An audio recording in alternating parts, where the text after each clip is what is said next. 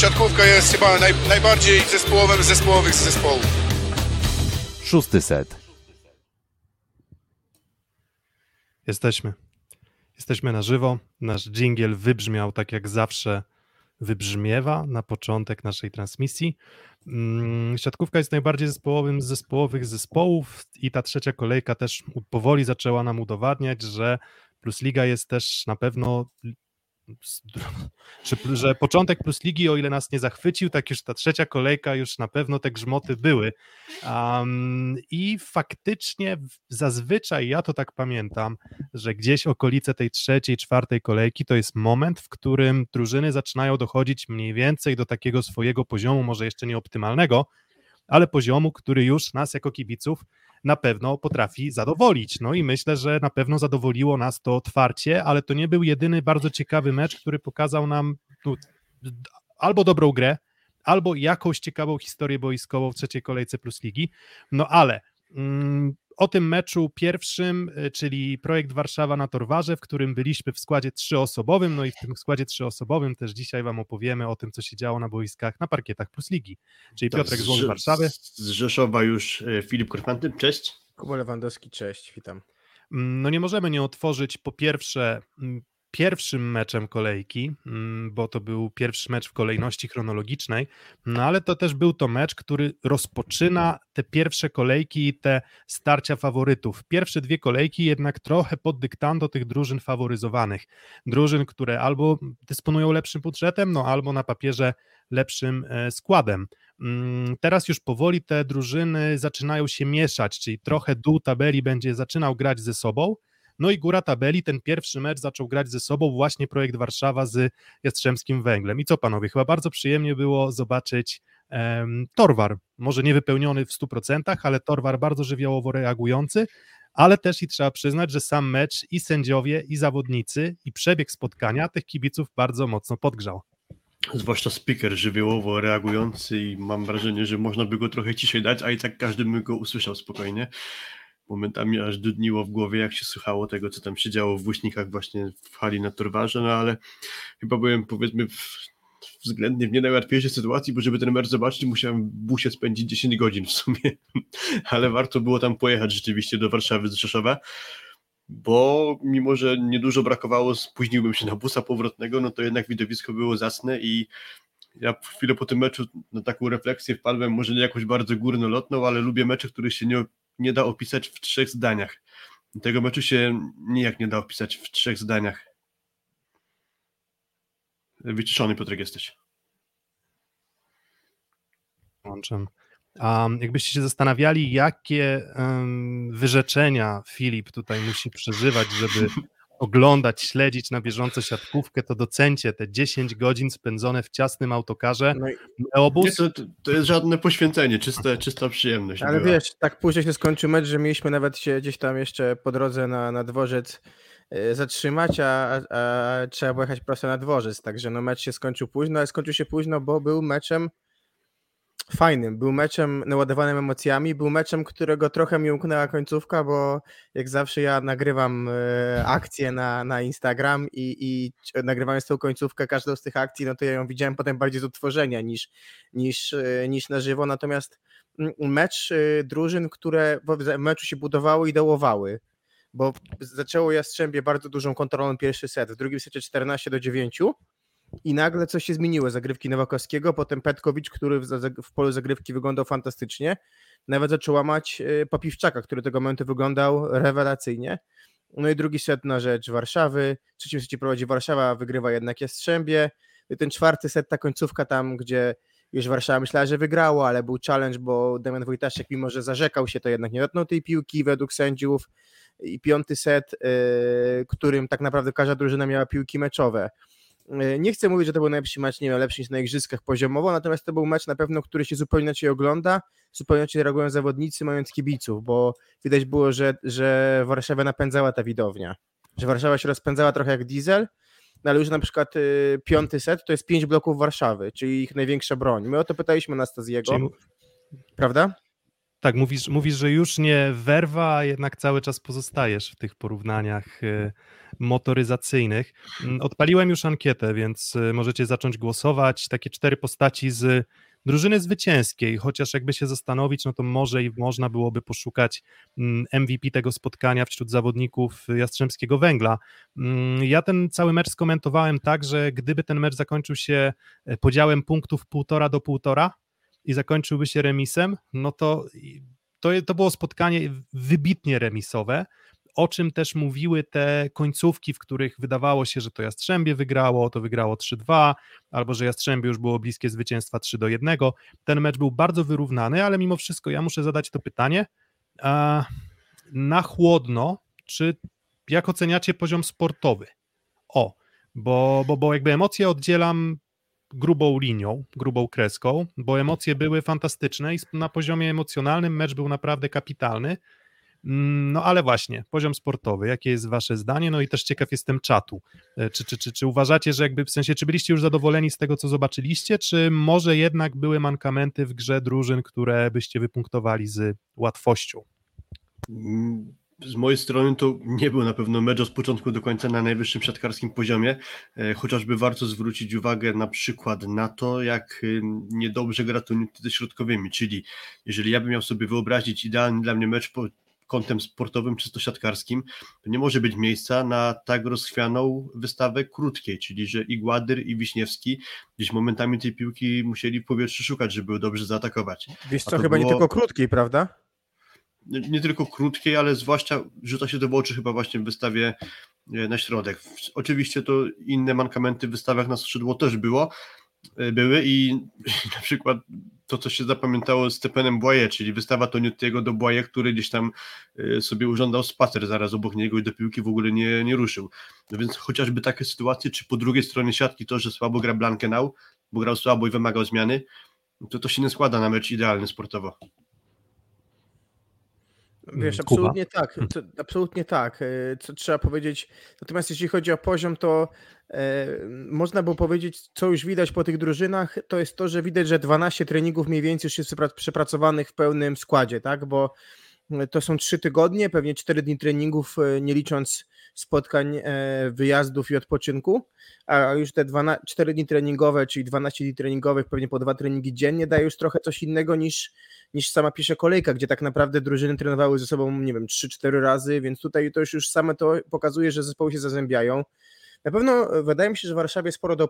Finalnie w statystykach tego nie widać, jeśli chodzi szczególnie o efektywność, ale był to taki motor napędowy. Mam wrażenie, że te jego zagrywki y, były takim momentem, gdzie to obejście, gdzie on był na zagrywce, było bardzo punktodajnym dla Warszawy. I, i, i wydaje mi się, że jakby Warszawa już mając swój dobry blok, który miał w poprzednim sezonie, mimo niefantastycznej zagrywki, e, no to przy takich zagrywkach jeszcze, gdzie, gdzie Petkowicz jest bardzo powtarzalny na zagrywce, to może być takie ustawienie, gdzie będzie te, te, punkty w bloku ruszały masowo. I to były takie momenty gdzieś tam przełomowe, bo co, co na początku nie podobało się na pewno w Warszawie, to jest przyjęcie, które zmuszało Blankanała do biegania. A jeżeli chodzi o Jastrzębie, to, to trochę słabość y, jednak y, Francuzów w tym meczu, poza Boye, tak? bo i Toniutti nie wyglądał rewelacyjnie i Cleveno, który paradoksalnie najlepiej grał z trudniejszych piłek gdzie atakował, wiadomo, nisko skacząc po łokciach i zdobywał punkty, a on jednak na łatwiejszych piłkach był czy to wyblokowywany, czy podbijany przez Warszawę. Także mhm. też mam takie przekonanie, że, że Warszawa była w tym meczu bardziej chciała tego zwycięstwa chyba i, i stąd ta wygrana, bo, bo, bo no, znaczy inaczej, myślę, że gdyby mecz był w Jastrzębie podobny, to by wygrał Jastrzębie, bo to był taki dla mnie typowa końcówka, gdzie będzie łatwiej gospodarzowi jednak. Jeszcze w temacie Kleveno, jadąc na to spotkanie myślałem, jak y, jak bardzo miękkość Kleveno sprawdzi się na bloku projektu Warszawa. No i trochę się nie sprawdziła, czyli tak jak ty Kuba mówisz, jeżeli miał trudniejsze piłki, to rozwiązując sprawę siłowo był skuteczniejszy, jak przyszło do gry kombinacyjnej, czyli jakiegoś próby wepchnięcia piłki w blok, y, obicia tego bloku, jakimś, y, jakimś miękkim zagraniem, to to już tak skuteczne nie było, jak było wcześniej, czyli moim zdaniem tu trochę klasa rywala mogła mu sprawić trudności w takim graniu. Co do Błaje, to też pamiętam, jak rozmawialiśmy, jak się widzieliśmy, że on zagrał trochę taki mecz, y, jak można powiedzieć, że bramkarz, który w piłce nożnej broni doskonale, broni sytuacje niemożliwe, po czym jest podanie do tego bramkarza, piłka podskakuje gdzieś na kretówce i wpada do bramki, jest jedna wielka szmata puszczona. Potem po tym meczu nikt nie dyskutuje o tym, jak wspaniałe parady zaliczył wcześniej, tylko każdy wspomina tę jedną upuszczoną szmatę. Bo ja tak było, że kilka po prostu piłek, czy to w końcówce, czy że nie poszedł do tej piłki wystawiony przez Toniutiego, e, Dwa czy bloki że, nie wiem, free, tak, dwa bloki w, ta, w tej breaku na nim, jakiś freeball przebity w siatkę, więc mimo tego, że on w sumie punktowo skończył świetnie, to kilka takich niefrasobliwych zagrań mu się zdarzyło, co też wpłynęło na tę końcową ocenę, że do końca mnie nie olśnił. Ale na pewno był to moim zdaniem najlepszy jego mecz w ogóle w Plus Lidze. No tak, no nie postawił poprzeczki bardzo wysoko w poprzednich e, spotkaniach, natomiast teraz to, to, to przyrównując, no to trochę w poprzednich e, spotkaniach, to jeżeli chodzi o skuteczność w ataku, to strącał takie, wiecie, 2-0-1, 2-0-5, a tutaj no w zasadzie skoczył 2-38 i w ostatnim skoku zawalił i nie zdobył złotego medalu Błaje. No troszeczkę e, używając takiego porównania z tą poprzeczką. E, z, Ale fizyka top, co? Szukając skoków z wyż, no fizyka imponująca, tak, to, ale zresztą, mm, wiesz, no mało kto chyba wątpi, czy powątpiewa w mm, fizykę Stefana Błaje. Raczej problemem jest, nie wiem, gdzieś może precyzja tego ataku, natomiast w zeszłym sezonie ja też zwróciłem uwagę na to, że, mm, że generalnie ten blok od blok skrzydłowych, mówię tutaj o przyjmujących werwy, ani Kwolka, ani Grobelnego specjalnie imponujący też nie był. No i tak wiecie, zas- zastanawiam się nieco, czy to nie był też powiedzmy o tyle pozytywny zbieg okoliczności, że Błaje faktycznie wykorzystywał to, że, że, że, że gdzieś te e, dziury w bloku były. Mm, ale no to jest jeden obcokrajowiec, który no, napisał swoją historię w tym meczu, no ale nie, nie można też nie wspomnieć tutaj na czacie, e, na czacie też wspominany Trinidad de Aro. No odmienił grę i ja zwróciłem uwagę na to, bo tak się zapytaliśmy Andrea Anastazji w tym na naszym Instagramie, jest to do odsłuchania, trochę uciekł od odpowiedzi na temat tego, jakie zadanie Trinidad Tearo otrzymał od trenera, w sensie w jaki sposób poprowadzić mm, grę. Blankenau, o którym już wspominałeś, Filip, faktycznie nie funkcjonował dobrze.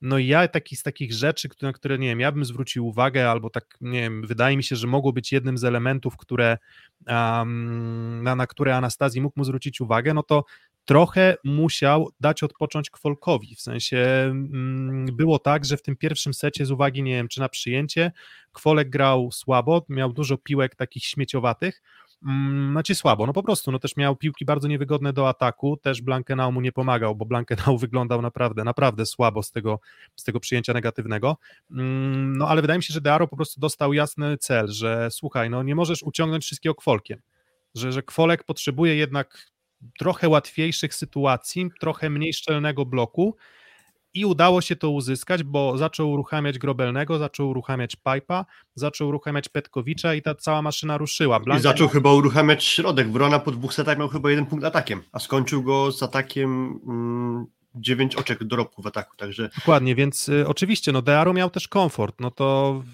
to też, no znowu, odwołujemy się do trenera, no trener wie najlepiej, jak ocenić swoich zawodników, Anastazji wspominał, że no czasem jak nie masz przyjęcia, no to się gubisz.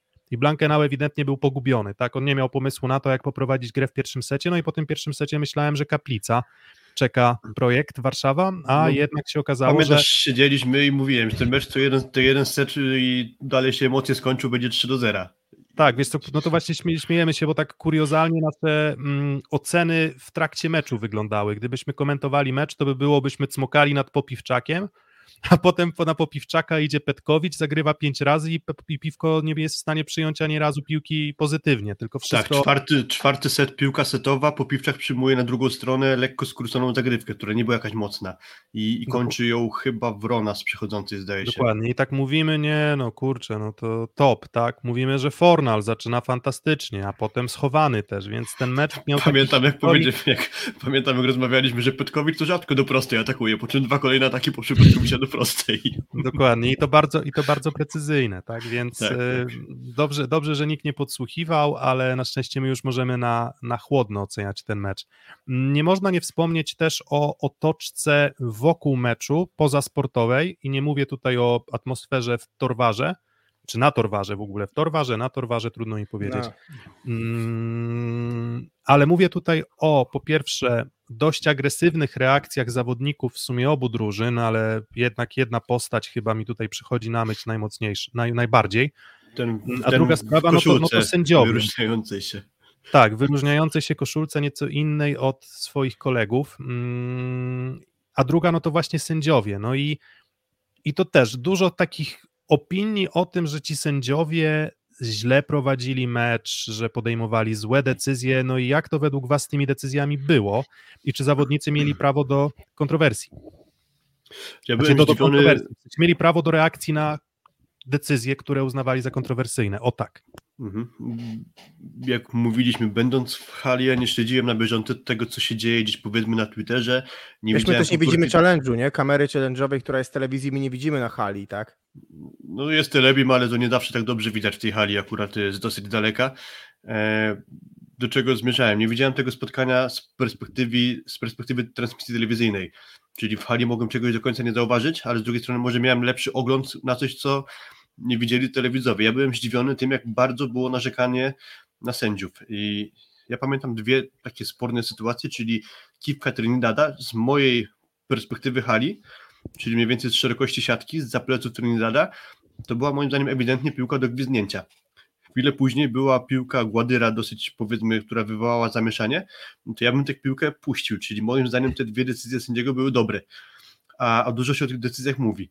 E, była też sprawa z Damianem Wojtaszkiem, czyli czy piłka wpadła w boisko, czy nie. Po tym jak Damian się rzucił do niej i, i był przekonany, że podbił, był challenge, ta piłka była w boisku, a reakcja Damiana była bardzo agresywna i to nie chodziło tylko o reakcję na tę jedną akcję, ale chyba wszyscy się, jesteśmy zdziwieni, że nie dostał żadnej kartki nawet.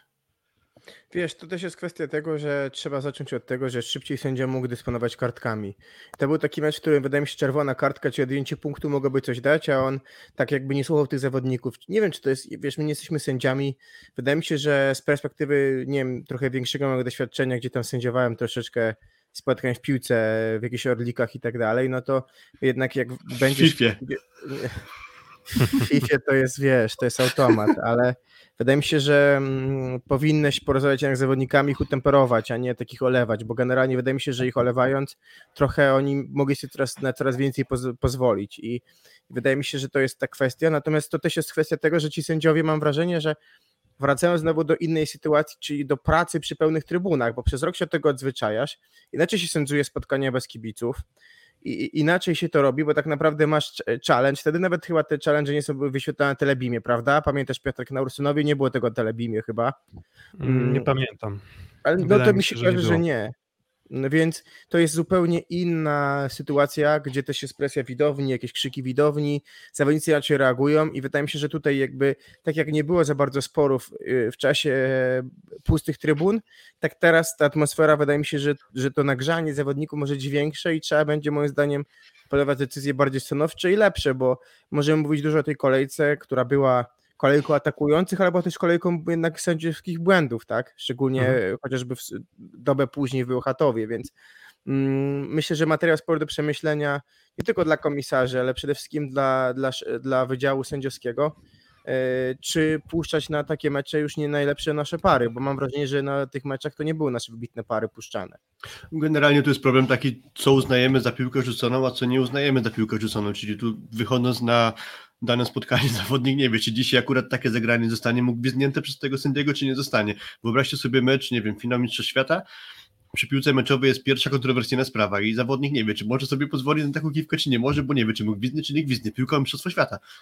Nie ma jasnej Mm, Znaczy deklaracji, że znaczy, taka akurat piłka zostanie gwizdnięta, albo nie zostanie gwizdnięta. Skąd on ma jest, wiedzieć? jest, jest problemem siatkówki jako takiej globalnie właśnie teraz ustalenie tej jakości odbić. No w tym konkretnym meczu, gdyby sędzia był ostrzejszy, to myślę, że spokojnie od nieczystych odbić piłek sytuacyjnych mógłby, mógłbym naliczyć, myślę, z 8, 10 w tym meczu, także spokojnie byłoby to do gwizdnięcia. Sędzia przyjął takie, a nie inne sędziowanie, no i to jest trochę takie pójście na łatwiznę, na zasadzie, no dobra, puszczamy, puszczamy w zasadzie wszystko, w zasadzie mm, poza takimi pchnięciami właśnie, tak na przykład jak Dearo, gdzie ja się tutaj absolutnie Filip z tobą zgadzam, że moim zdaniem to był błąd, i, i, i z perspektywy hali to było bardzo widoczne, że to był bardziej koszykarski wsad, więc ten Wiesz, kontakt Dearo nie był pozostawał najmniej, Dearo najmniej protestował. Dokładnie, Pytanie, ale, ale wiecie, ale, ale mówi się o tych sędziach, no to co ci sędziowie skopali, jeśli chodzi o decyzje? Właśnie Filip, no bo ty mówiłeś, nie, że praktycznie trudno wskazać takie decyzje, no to może czat pomoże. Które decyzje były takie bardzo kontrowersyjne? Bo to, co ja bym powiedział, że było problemem, to problemem była, był brak stanowczości w, w ogłaszaniu tych decyzji, w egzekwowaniu tych decyzji. Do tam tego jeszcze dochodziły sytuacje, nie wiem, czy- nie?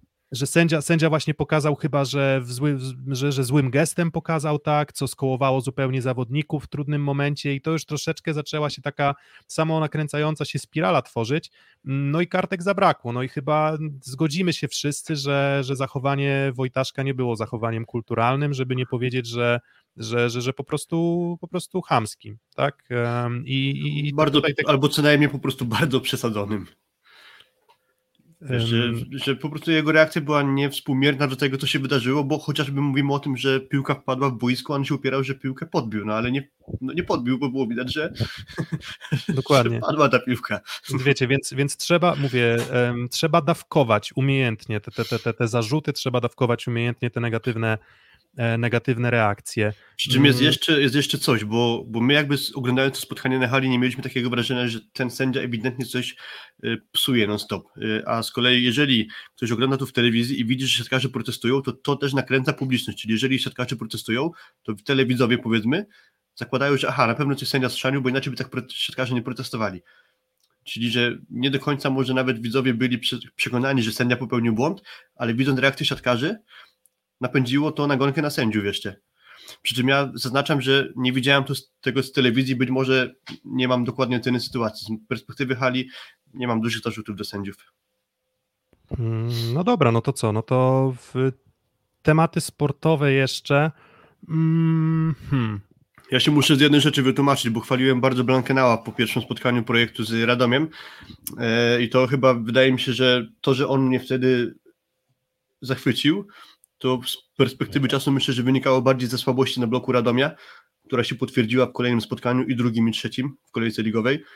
No a jednak się okazało, że jeżeli blok rywala gra, gra trochę lepiej, to, to już Blankenau zawodzi tak było w drugiej kolejce, trzeciej kolejce, więc jakby cofam moje jakby pochwały z pierwszej kolejki do Jaya Blankenała. No i tym większy szacunek dla Trinidada, bo o nim się mówiło z kolei, że on nie, nie trenował kilka dni jakby wrócił po chorobie, więc trzeba go po Umiejętność, prostu pochwalić. wiesz, umiejętność przyznania się do, wiesz, do, do błędu i do pochopnej oceny, to, to, to uważam, że tutaj na pewno to usłyszycie. W sensie my raczej nie jesteśmy ludźmi, którzy idą w zaparte, więc e, jeżeli okoliczności się zmieniają, no to też trochę dostosowujemy nasze, e, nasze typy. Wiadomo, że naj, największą wagę mają te typy, które wskazuje się, gdy ta, tych niewiadomych jest najwięcej, ale tych niewiadomych powoli zaczyna być już coraz mniej. To był, to był dobry mecz, no i co mogę powiedzieć? Mogę powiedzieć, że projekt Warszawa mm, udowodnił swoje aspiracje medalowe chyba, bo, bo, bo o ile nie mam takiego poczucia, że Jastrzębski Węgiel był w swojej optymalnej formie, mm, to tak czy inaczej takie zwycięstwo idzie w świat i to nie było zwycięstwo, w którym miałeś poczucie, że nie wiem, na przykład fatalną siatkówkę zagrało Jastrzębie. To była właśnie, jak tu ktoś napisał, twarda rąbanka ligowa, w której Werwa, e, Werwa projekt Warszawa mm, po prostu okazał się być równorzędnym rywalem, tak? I, i, i właśnie te, ten mecz falował oczywiście. Ten mecz miał takie momenty, w których ja myślałem, że no nie wiem, projekt już na pewno musi to docisnąć, albo że Jastrzębie musi to docisnąć, i to się tak zmieniało.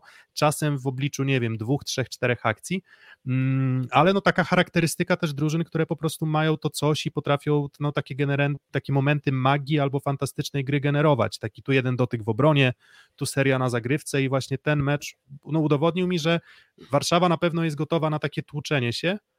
Pytanie, czy na dłuższym dystansie, no jednak ta, ta, ta, ten, ten Jastrzębski Węgiel, no nie, miałem takie poczucie jednak, że pomimo zwycięstwa Warszawy, to jednak Jastrzębie ma chyba trochę więcej rezerw jednak mm, w swojej grze i, i, i myślę, że mogą, mm, mogą tutaj e, na dłuższym dystansie cały czas bym ich stawiał fawo- jako faworytów w starciu z taką drużyną jak Warszawa, ale to może być bardzo fajny zwiastun dalszej części sezonu. Mhm. Zauważcie komentarz, który wyróżniłem, e, bo to może być w sumie też dobra jakby dyskusja pod kątem ewentualnie tego super pucharu, który już jutro, ale jeszcze do tego przejdziemy później, a teraz e, pamiętacie jak mówiliśmy o tym, jak wydawałoby się, że Jastrzębie ma szeroką ławkę przed sezonem, a jak krótką ławkę miał Gardini, Gardini, nie pomyliłem się, w tym meczu Jastrzębskiego Węgla, bo w zasadzie miał Hadrabę, którego można wpuścić, ale akurat Błaje nie wymagał zmiany.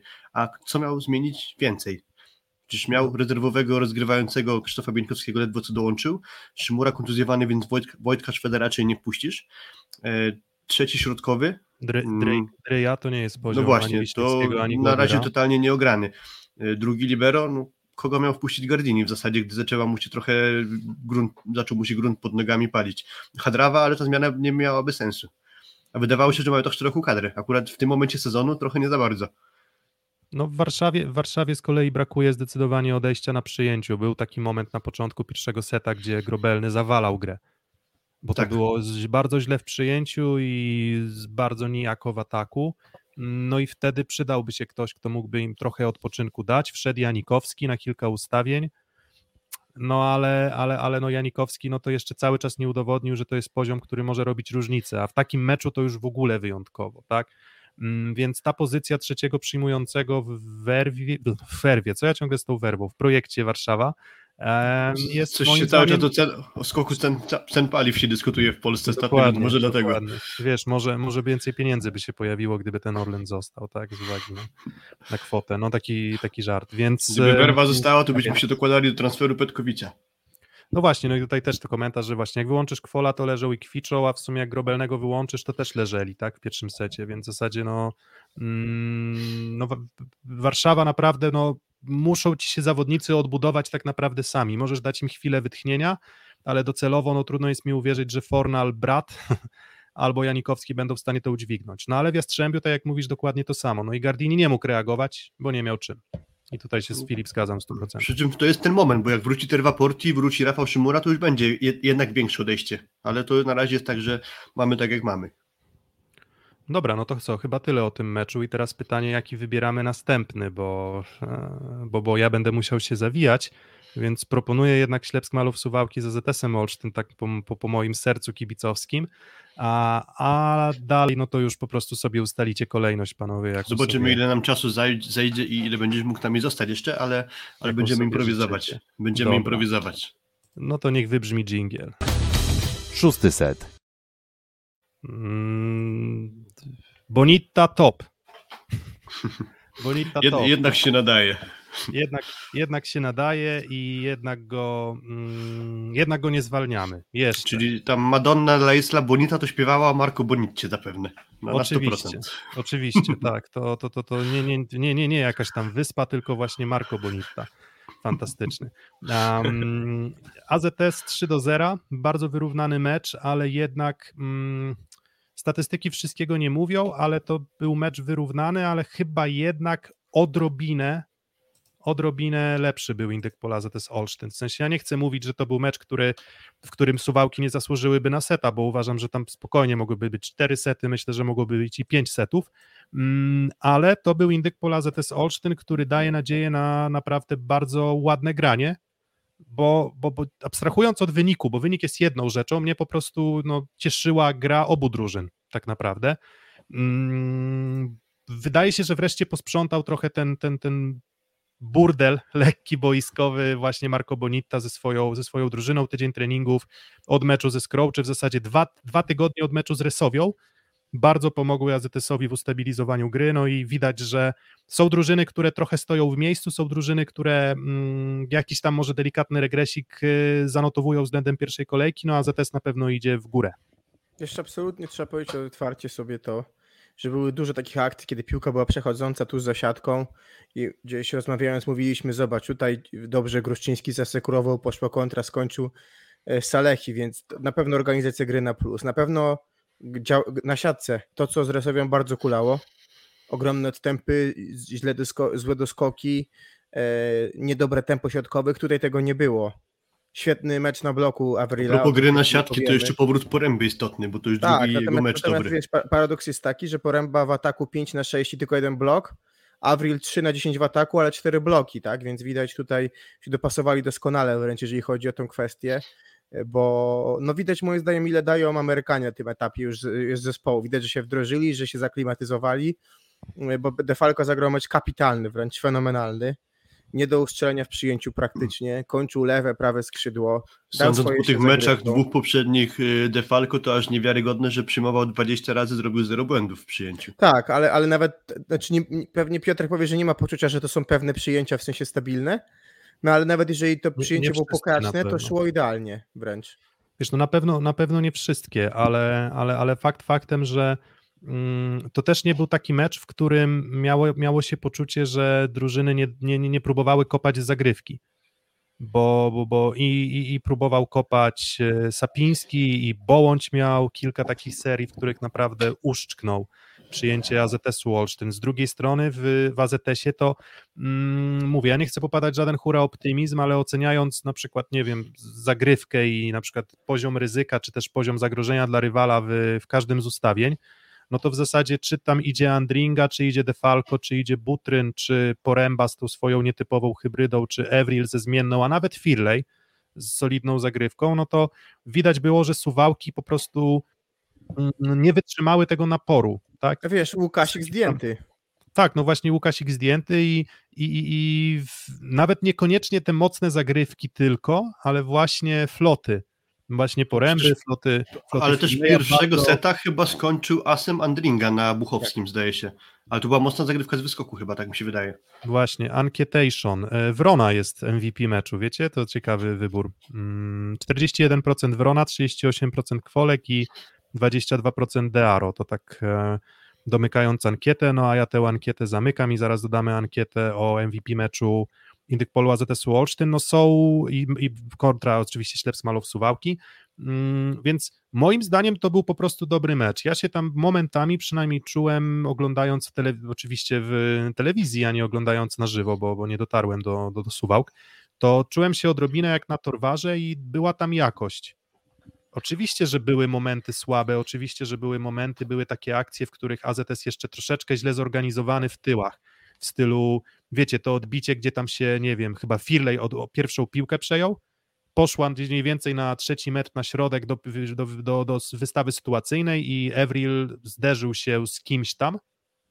I, i, i tego typu sytuacji było kilka, ale to był to był też naprawdę bardzo solidny mecz i, i, i, to mnie nastraja nawet lepiej niż sam wynik, no bo wiecie, tam możesz po słabym meczu obu drużyn e, wygrać, ale jeżeli wygrywasz po, po, po meczu, w którym rywal dał ci naprawdę solidny odpór, to, to jest na pewno dobry prognostyk dla, no dla AZS-u, no i dla mnie, a co ja mam, co ja tam będę mówił. Ale wiesz, ten mecz też pokazał trochę słabość jednak Suwałk. E, jest jednak brak drugiego przyjęcia, bo trochę dał Buchowski, ale zdjęty była próba, e, była próba e, z Halabą. Z Klinkenbergiem. Tak, z Klinkenbergiem, który któryś już mecz pod rząd kończy na ujemnej efektywności. Była próba z Halabą, który coś tam dał w ataku, w przyjęciu był strzeliwany i przyjmował różnie. Tak naprawdę te dwa przyjęcia przy 22-22 skopał. Były meczowe dla Olsztyna, poszedł zrobił asa, więc taki bohater trochę tragiczny. No mimo tego skończyło się, skończyło się na rzecz Olsztyna, który w tym meczu mam przekonanie, że był stabilniejszy miałem takie przekonanie, że y, właśnie zdominował najbardziej na siatce, bo nawet tu widać, to też było widać wizualnie, tak, że zdominował najbardziej na siatce e, Suwałki, bo, bo poza Bołądziem, ale z Bołądziem poza jednym ustawieniem, o którym powiesz Piotrek, to tak naprawdę nie było takiego pewnego zagrania, który mógłby prezentować e, zespół Suwałk e, i też plus dla środkowych jest taki, że do tej pory bawił się Takwam, a to tutaj Takwam występ dyskretny bardzo, prawda? Takim mm. bloku i w ataku niezbyt imponujący, chyba najmniej zagrywek w ogóle w zespole z tych takich graczy, którzy tam grali trochę więcej. No i to ustawienie, Kuba wywołałeś Piotrka, więc znaczy wiem o czym tak, będziesz to... mówił Piotrek. Tak, nie no, przyjrzałem się statystykom, że um, jak, jeżeli chodzi o analizę ustawień, to ustawienie z Bartłomiejem Bołądziem na lewym skrzydle to było ustawienie, w których Suwałki na dystansie całego meczu miały ratio minus 10. Czyli to są ustawienia, w których Tuaniga zagrywa, albo, albo, albo po prostu, bo, albo jest w pierwszej strefie przy przyjęciu suwał. I, i Tuaniga. To w ogóle skończyło mecz, prawda, to ustawienie. E, tak, dokładnie, no przecież ten autowy atak Bołądzia, no to on był jakby też skwitował to, jak dużą słabością właśnie był, było to konkretne ustawienie, no bo tam... I chyba w pierwszym secie poszła duża seria na tym ustawieniu właśnie. Tam wtedy, tam wtedy wiecie, tam wtedy jest sytuacja taka, w której, mm, jeżeli dobrze pamiętam, chyba Defalco skacze na, na, na, na skrzydle prawym rywala, tak, Bołądziowi. Bu, bu, e, znaczy skacze Bołądziowi, a po drugiej stronie wydaje mi się, że Butryn próbuje, jeżeli dobrze pamiętam, chyba Butryn skakał przeciwko Buchowskiemu i bądź Halabie. tak? Bo, bo, Przy czym to się, to się w zależności od seta może zmienić, akurat to jest po drugiej stronie siatki, ale w Suwałkach to jest akurat chyba, wydaje mi się, że Sapiński pod siatką z Adrianem Buchowskim i, i zarówno moim zdaniem Sapiński jest gorszym blokującym niż Takwam i Buchowskiego atutem też nie jest blok. Więc to jest dość kiepskie ustawienie właśnie Suwałki, właśnie Bołądź atakujący z lewego skrzydła. Tak, i właśnie jeszcze co, co można dopowiedzieć o, o, o, meczu, to o, o czym ty Kuba mówiłeś, jeśli chodzi o tę taką przewagę na siatce, to coś, co dla mnie jest na przykład zazwyczaj dobrym zwiastunem pracy drużyny na bloku, mówię, może to jest, może się mylę, ale, ale często jest tak, że masz na przykład akcje, w których rywal 3-4 razy próbuje wyprowadzić atak, a ty jesteś tam. I były właśnie, było, tak, było, wiele kilka, razy w tym meczu. tak, było kilka takich akcji, w których na ZS no raz i, i, i powtórka, i powtórka, i powtórka. Suwałki bardzo cierpliwie, bo Suwałki popełniły bardzo niewiele błędów w ataku, to już jest troszeczkę taka ich charakterystyka tego, te, tegoroczna, mm, ale mimo to po prostu blok cały czas przeszkadzał i cały czas utrudniał wykonanie skutecznego ataku, więc pomimo tej cierpliwości, no jakby cierpliwość musieli wykazać atakujący, ale cierpliwość też wykazywali skuteczne przemieszczanie się e, blokujący, przy czym to też nie był najlepszy mecz Tuanigi, to też jak na, jak na standardy, do których ja jestem przyzwyczajony Amerykanina, no to jednak mam poczucie, że jednak Jan Firley był no, zdecydowanie lepszy od Tuanigi dzisiaj, ale dzisiaj, w, w niedzielę. Mm, no i, i to też jest dobry zwiastun. Dzisiaj AZS na fali, Jan Firley się wypowiadał, że te problemy zdrowotne, gdzieś tam jelitowe już, już zanim, on w ogóle też wspominał o tym, że cały sezon przygotowawczy, okres przygotowawczy E, wyglądało ok jego zdrowie i niestety rozsypał się przed memoriałem w Suwałkach nomen omen towarzyskim.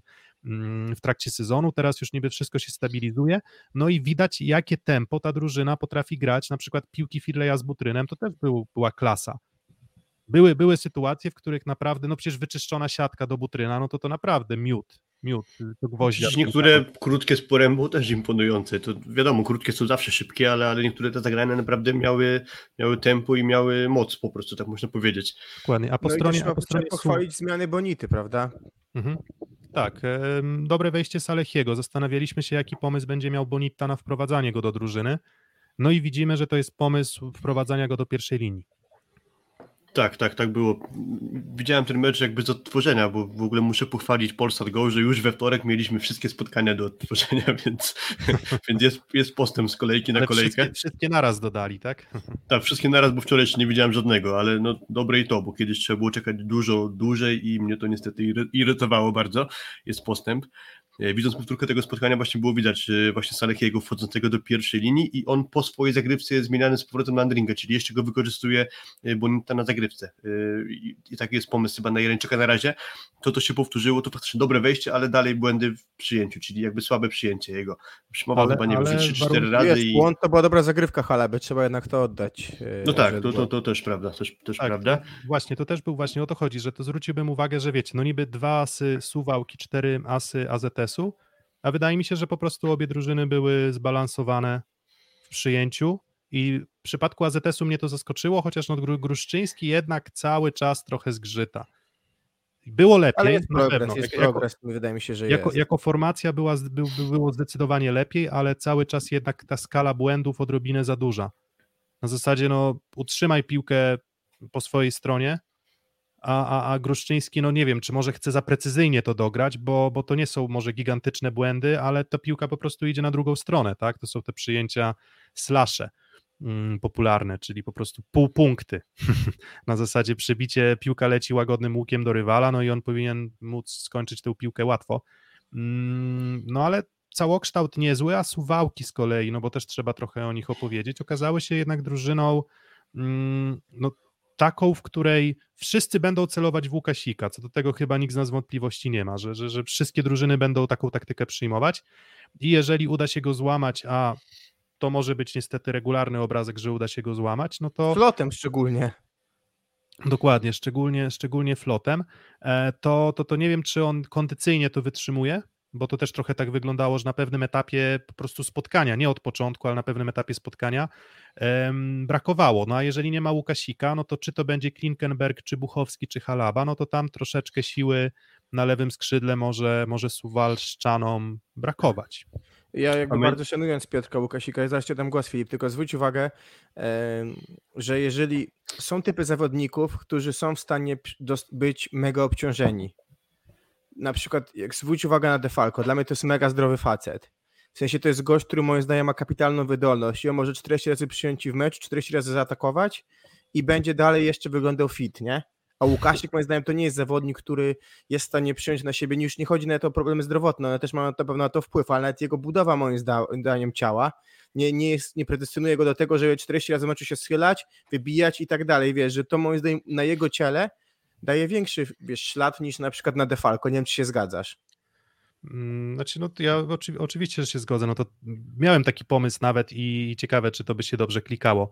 Jakbyśmy nagrali wywiad właśnie e, z, z jakiegoś live'a z jakimś trenerem przygotowania fizycznego w siatkówce, który by nam opisał, jak to jest z właśnie na przykład, nie wiem, no, z, z charakterystyką y, budowy ciała, tak? Ciekawe, czy to byłoby interesujące dla was, to tam dajcie znać na czacie, jeżeli, Dokładnie. bo, bo może, może pójdziemy za tym tematem, pójdziemy za tym Mamy, mamy pomysł nawet na osobę, która by to mogła być i jest to człowiek z sztabu wicemistrza olimpijskiego aktualnego, także, także postać chyba wtedy- dosyć ciekawa. i Dajcie wtedy, znać, wiecie, można byłoby- taką rozmowę. Wiecie, i można byłoby rozwiać wątpliwości co do tego, wiecie, co to znaczy mikrocykl, co to znaczy ta żelazna, e, wiecie, ta praca na siłowni ciężka, czy faktycznie tak jest, jak bardzo to przeszkadza zawodnikom, albo, albo, albo kiedy tak naprawdę się buduje te, te szczyty formy, jak wyglądają przygotowania. Myślę, że to wszystko mogłoby być, e, mogłoby być bardzo ciekawe. No, na, na chłopski rozum trochę tak może być, jak mówisz, Kuba, że, że Łukasik no nie jest najbardziej mobilnym zawodnikiem, tak? Właśnie Filip. więc, y, więc no w- w- i, i też no, kilka kontuzji na pewno też nie pomaga mu w, w tej, tej optymalnej formie fizycznej. No, zwróćmy uwagę, że on w zasadzie dopiero co przepracował okres przygotowawczy i zaczyna grać. W sensie on dopiero, no co, to jest jego trzeci mecz y, w, w, w wyjściowym W składzie. ciągu roku. W przeciągu, no w zasadzie a w przeciągu dwóch lat, no to może ósmy. Tak? Więc w zasadzie Nie dwa sezony jakichś takich krótkich wejść powiedzmy na blog albo coś Dokładnie, takiego. więc praktycznie, praktycznie dwa sezony mm, stracone na, na kontuzję i, i to musi, musi się odbić. Wiecie, to trochę pod kasus Grze, Grzegorza Boćka się nasuwa. Po bardzo długiej przerwie duży problem i też trochę podobna masa mięśniowa i podobne warunki fizyczne. Chłop jak schwał. Mi się to no- przypomina od razu z początkiem kariery Mariusza Pudzianowskiego, który zrzucił rywalizację strongmanów i zaczął być w MMA. No i żeby tę górę mięśni napędzić, to trochę tlenu trzeba i, i, i płuca muszą szybko pracować. Wiemy, jakim turem pod względem fizycznym jest Piotr Łukasik, więc być może tu ma miejsce coś podobnego właśnie i, i, i to w jego przypadku jeszcze innych tak dobrze zbudowanych siatkarzy. No i być może Wiesz, ten właśnie oby, brak oby coś to dało, oby, oby, oby coś to dało, jak cytując właśnie Pudziana, oby coś to dało, ob- oby coś to dało. Piotr Łukasik, który z tanią skóry nie sprzeda pewnie. Właśnie. Nie, nie, Nasz- oby coś nasz- to dało, oby coś to dało. Nasz znany i lubiany słuchacz Tomkowiak 666 Tak. właśnie, że też komentarz, że no nie ma, nie ma dopakowanych maratończyków, to prawda. W sensie po prostu po prostu Po jest drugie, to, wiesz, no ja to sam, na, no wiesz, na Znaczy sobie wiesz, jakbyś miał biegać 40 km codziennie albo 100 km codziennie, to już by ci czasu na siłownię nie starczyło, to może do tego. No ja nawet wiesz, dlatego. wiesz, nawet widzę po sobie, jak się biegało, jak się biegało długie dystanse, jak się miał 20 km jak się teraz próbuje biegać, to wiesz, inaczej nogi pracują, nie? A, dobra, to jeszcze ostatnie pytanie, bo, bo ja już będę finiszował z moim pobytem, więc Filip i Kuba będą musieli was uraczyć, drodzy słuchacze, swoimi fachowymi komentarzami dalszymi. Mm, Nie przeceniaj nas. No, ja to wiesz, to bez przesady, no to mówimy, mówimy, co nam się nasunie na język, tylko czasem nam się uda trafić coś. Nie no, mamy nadzieję, że coś potrafimy powiedzieć merytorycznego. Em, jak ten poziom gry Indykpolu AZS-u, mm, co każe wam sądzić o meczu niedzielnym z, przeciwko Aluronowi CMC Warcie Zawiercie? W sensie, czy to już jest taki poziom, który może z tą Wartą dać punkty albo wyrównany mecz, czy może jednak mm, za słabo, bo nie wiem, czy będziecie mówić, pewnie będziecie mówić jeszcze o, o zawierciu i o meczu zawiercia, ale jestem bardzo ciekaw na podstawie właśnie tego, co widzieliście w ten weekend i też problemów zawiercia pewnych z grą, to czy to już jest przestrzeń na wyrównany mecz w Iławie?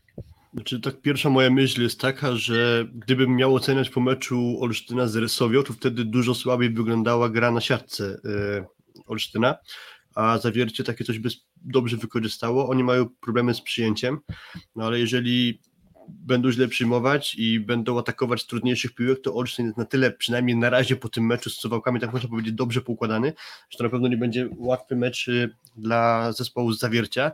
E, dużo na pewno będzie zależało od tego, czy na przykład nie będzie tak, że z poważniejszym przeciwnikiem jeszcze, jak Suwałki, będzie dawał radę chociażby Defalco tak samo, jak to było w tym meczu z Suwałkami, czyli jakby po prostu Zawiercie dla mnie są lepszą ekipą niż Suwałki.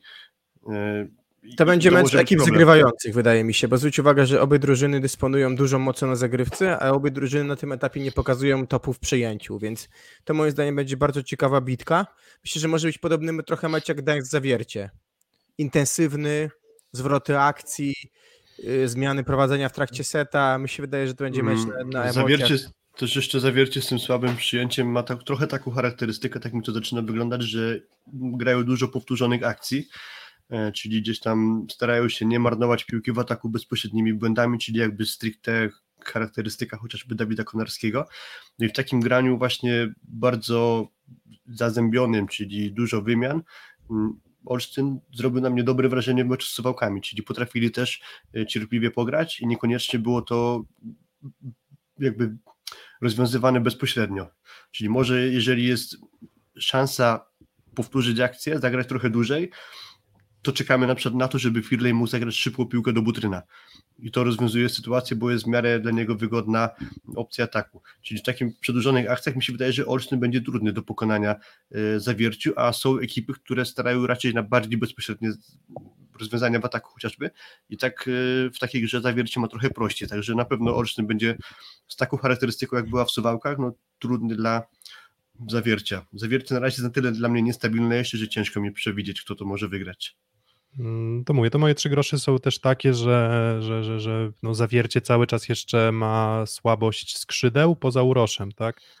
Um, no i pytanie, czy, czy kiedy, pytanie na ile to wystarczy, w sensie na ile wystarczy granie tak naprawdę, nie wiem, no zmianą z Orczykiem, pytanie, czy znowu wyjdzie Facundo Conte, no ale to już jest temat na zupełnie inną dyskusję, no to może jeszcze, mówię, wrócicie do tematu meczu z Zawierciem, a tymczasem ja się żegnam na dzisiaj, bo się muszę ogarniać. Więc trzymajcie się i pozostawiam Was w dobrych rękach Filipa i Kuby. Bawcie się dobrze dalej i słuchajcie dalej szóstego seta. No, trzymaj się do usłyszenia. Trzymaj się, Piotr. O, to Dobra. zostaliśmy. Yy, yy, nie, teraz myszy harcują. Nie, teraz yy, myślę, że możemy przejść do kolejnych spotkań, bo, bo wydaje mi się, że sporo mówiliśmy, jeżeli chodzi o Ocean Suwałki, więc jaka Twoja propozycja? E, Myślę, jakiś... że może przejdźmy do tego spotkania zawiercia, skoro już o tym trochę powiedzieliśmy Dobrze. i do ich rywalizacji z GKS-em Katowice. Jak e, Czyli szybki, szybki dżingiel i zmieniamy grafikę za chwilę i omawiamy inne spotkanie. Szósty set. Ja trochę czasu potrzebuję, żeby sobie tę grafikę włączyć, to, to ale... tak drogą wstępu może ja zacznę, ty tutaj działaj sobie. E, no przyjechała rewelacja na razie z Katowic do Zawiercia i zaczęła też rewelacyjnie pierwszy padł ich łupem trochę się znowu poprzestawiało, bo mówimy, kiedy wyjdzie znowu Tavares, kiedy już jakby będzie pierwszym kosztem Kawanny. Wychodzi Tavares, no ale nie szło, wszedł, wszedł Kawanna i, i wygrał mecz. Wychodzi Faku, Conte, w pierwszym meczu e, zmieniony, e, w drugim z Gdańskiem grał mimo słabego początku, tutaj nie wytrzymał Kolakowicz i wpuszczał Orczyka, który okazuje się MVP i znowu nie mam trochę déjà vu, bo poprzedni sezon też Orczy zaczynał kapitalnie, i teraz też, i to jest duży komfort, wydaje mi się, Kolakowicza, że mo może zacząć nagle grać całymi samą talią leworęcznych praktycznie, tak, bo wpuści Kawanę, wpuści Orczyka. Jeszcze wszedł Malinowski w tym spotkaniu z tak, Katowicami. Tak, ma, ma, dokładnie, Malinowski jest Żurek, mamy pięciu leworęcznych, mm, no i to są trzy zmiany jakościowe. Myśmy mówili, że trochę nie ma odejścia Gardini, nie za bardzo ma co zmieniać Anastazji, natomiast no Kolakowicz ma, ma co zmieniać i naprawdę Y, czy to była jeszcze przecież Wiktor Reisner, tak, który wchodzi w poprzedniej kolejce i też yy, gra fantastycznie z Dańskiem. No, kapitał Brakuje jeszcze Michała Szalachy, który pewnie niedługo wróci. Dokładnie tak, i więc gdzieś te, z tego korzysta Kolakowicz i na razie wychodzi na to, że, że 3 razy 3 do 1, ulubiony wynik zawiercian i, i, i 9 punktów, co myślę, że daje dużo spokoju w klubie, prawda? No bo jednak budowany zespół w taki sposób E, łatwiej się zaczyna sezon, czy pracuje, mając komfort pewien, no po prostu punktowy, nie ma co ukrywać. Zaczął dobrze Jarosz, zaczął dobrze Ma, potem Jarosz niestety drobny uraz, no i też to granie już e, z Russo, Katowic dla mnie, w meczu z przeciwnikiem, który zaczął łamać zagrywką, już tak dobrze na wysokiej piłce nie wygląda. Nie wiem, jakie ty masz spostrzeżenia z tego meczu. Znaczy Jarosz na szczęście, na szczęście dla katowickiego zespołu szybko wrócił po tym, jak tam jakąś kontuzję palca chyba lekko złapał, po tym jak zdaje się, że go e, Uroś Kowacewicz lekko e, uszkodził. E, mówiłeś o tych zmianach, więc ja tu też muszę przypomnieć, e, to mi się spodobało, jak e, na Twitterze Marcin Gałązka to napisał, który rozgrywający Auronus i MC Warce zawiercie jest lepszy. I, odpo- I odpowiedź jest taka, że ten, który wchodzi z ławki. I to jest moim zdaniem akurat w tym przypadku celne, bo tak, zaczynał mecze Kawanna, wchodził Tawarysz, odwracał mecz, czyli Tawarysz wchodzący z ławki był wtedy e, lepszym graczem, można powiedzieć, do Kawanny, patrząc na te mecze.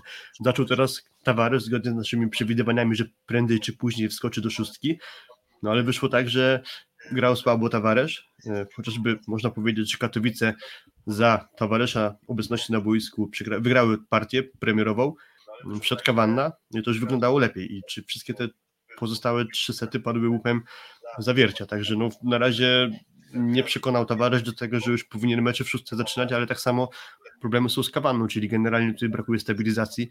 E, Kolejny mecz, który odwróciły zmiany Kolakowicza, bo też, też trochę o tym e, powiedziałeś, czekam aż ogarnie się Facundo Conte. E, Mam wrażenie, Kuba, że jakiś po, pogłos dziwny jest u ciebie, albo mi się wydaje, że chyba siebie słyszę u ciebie.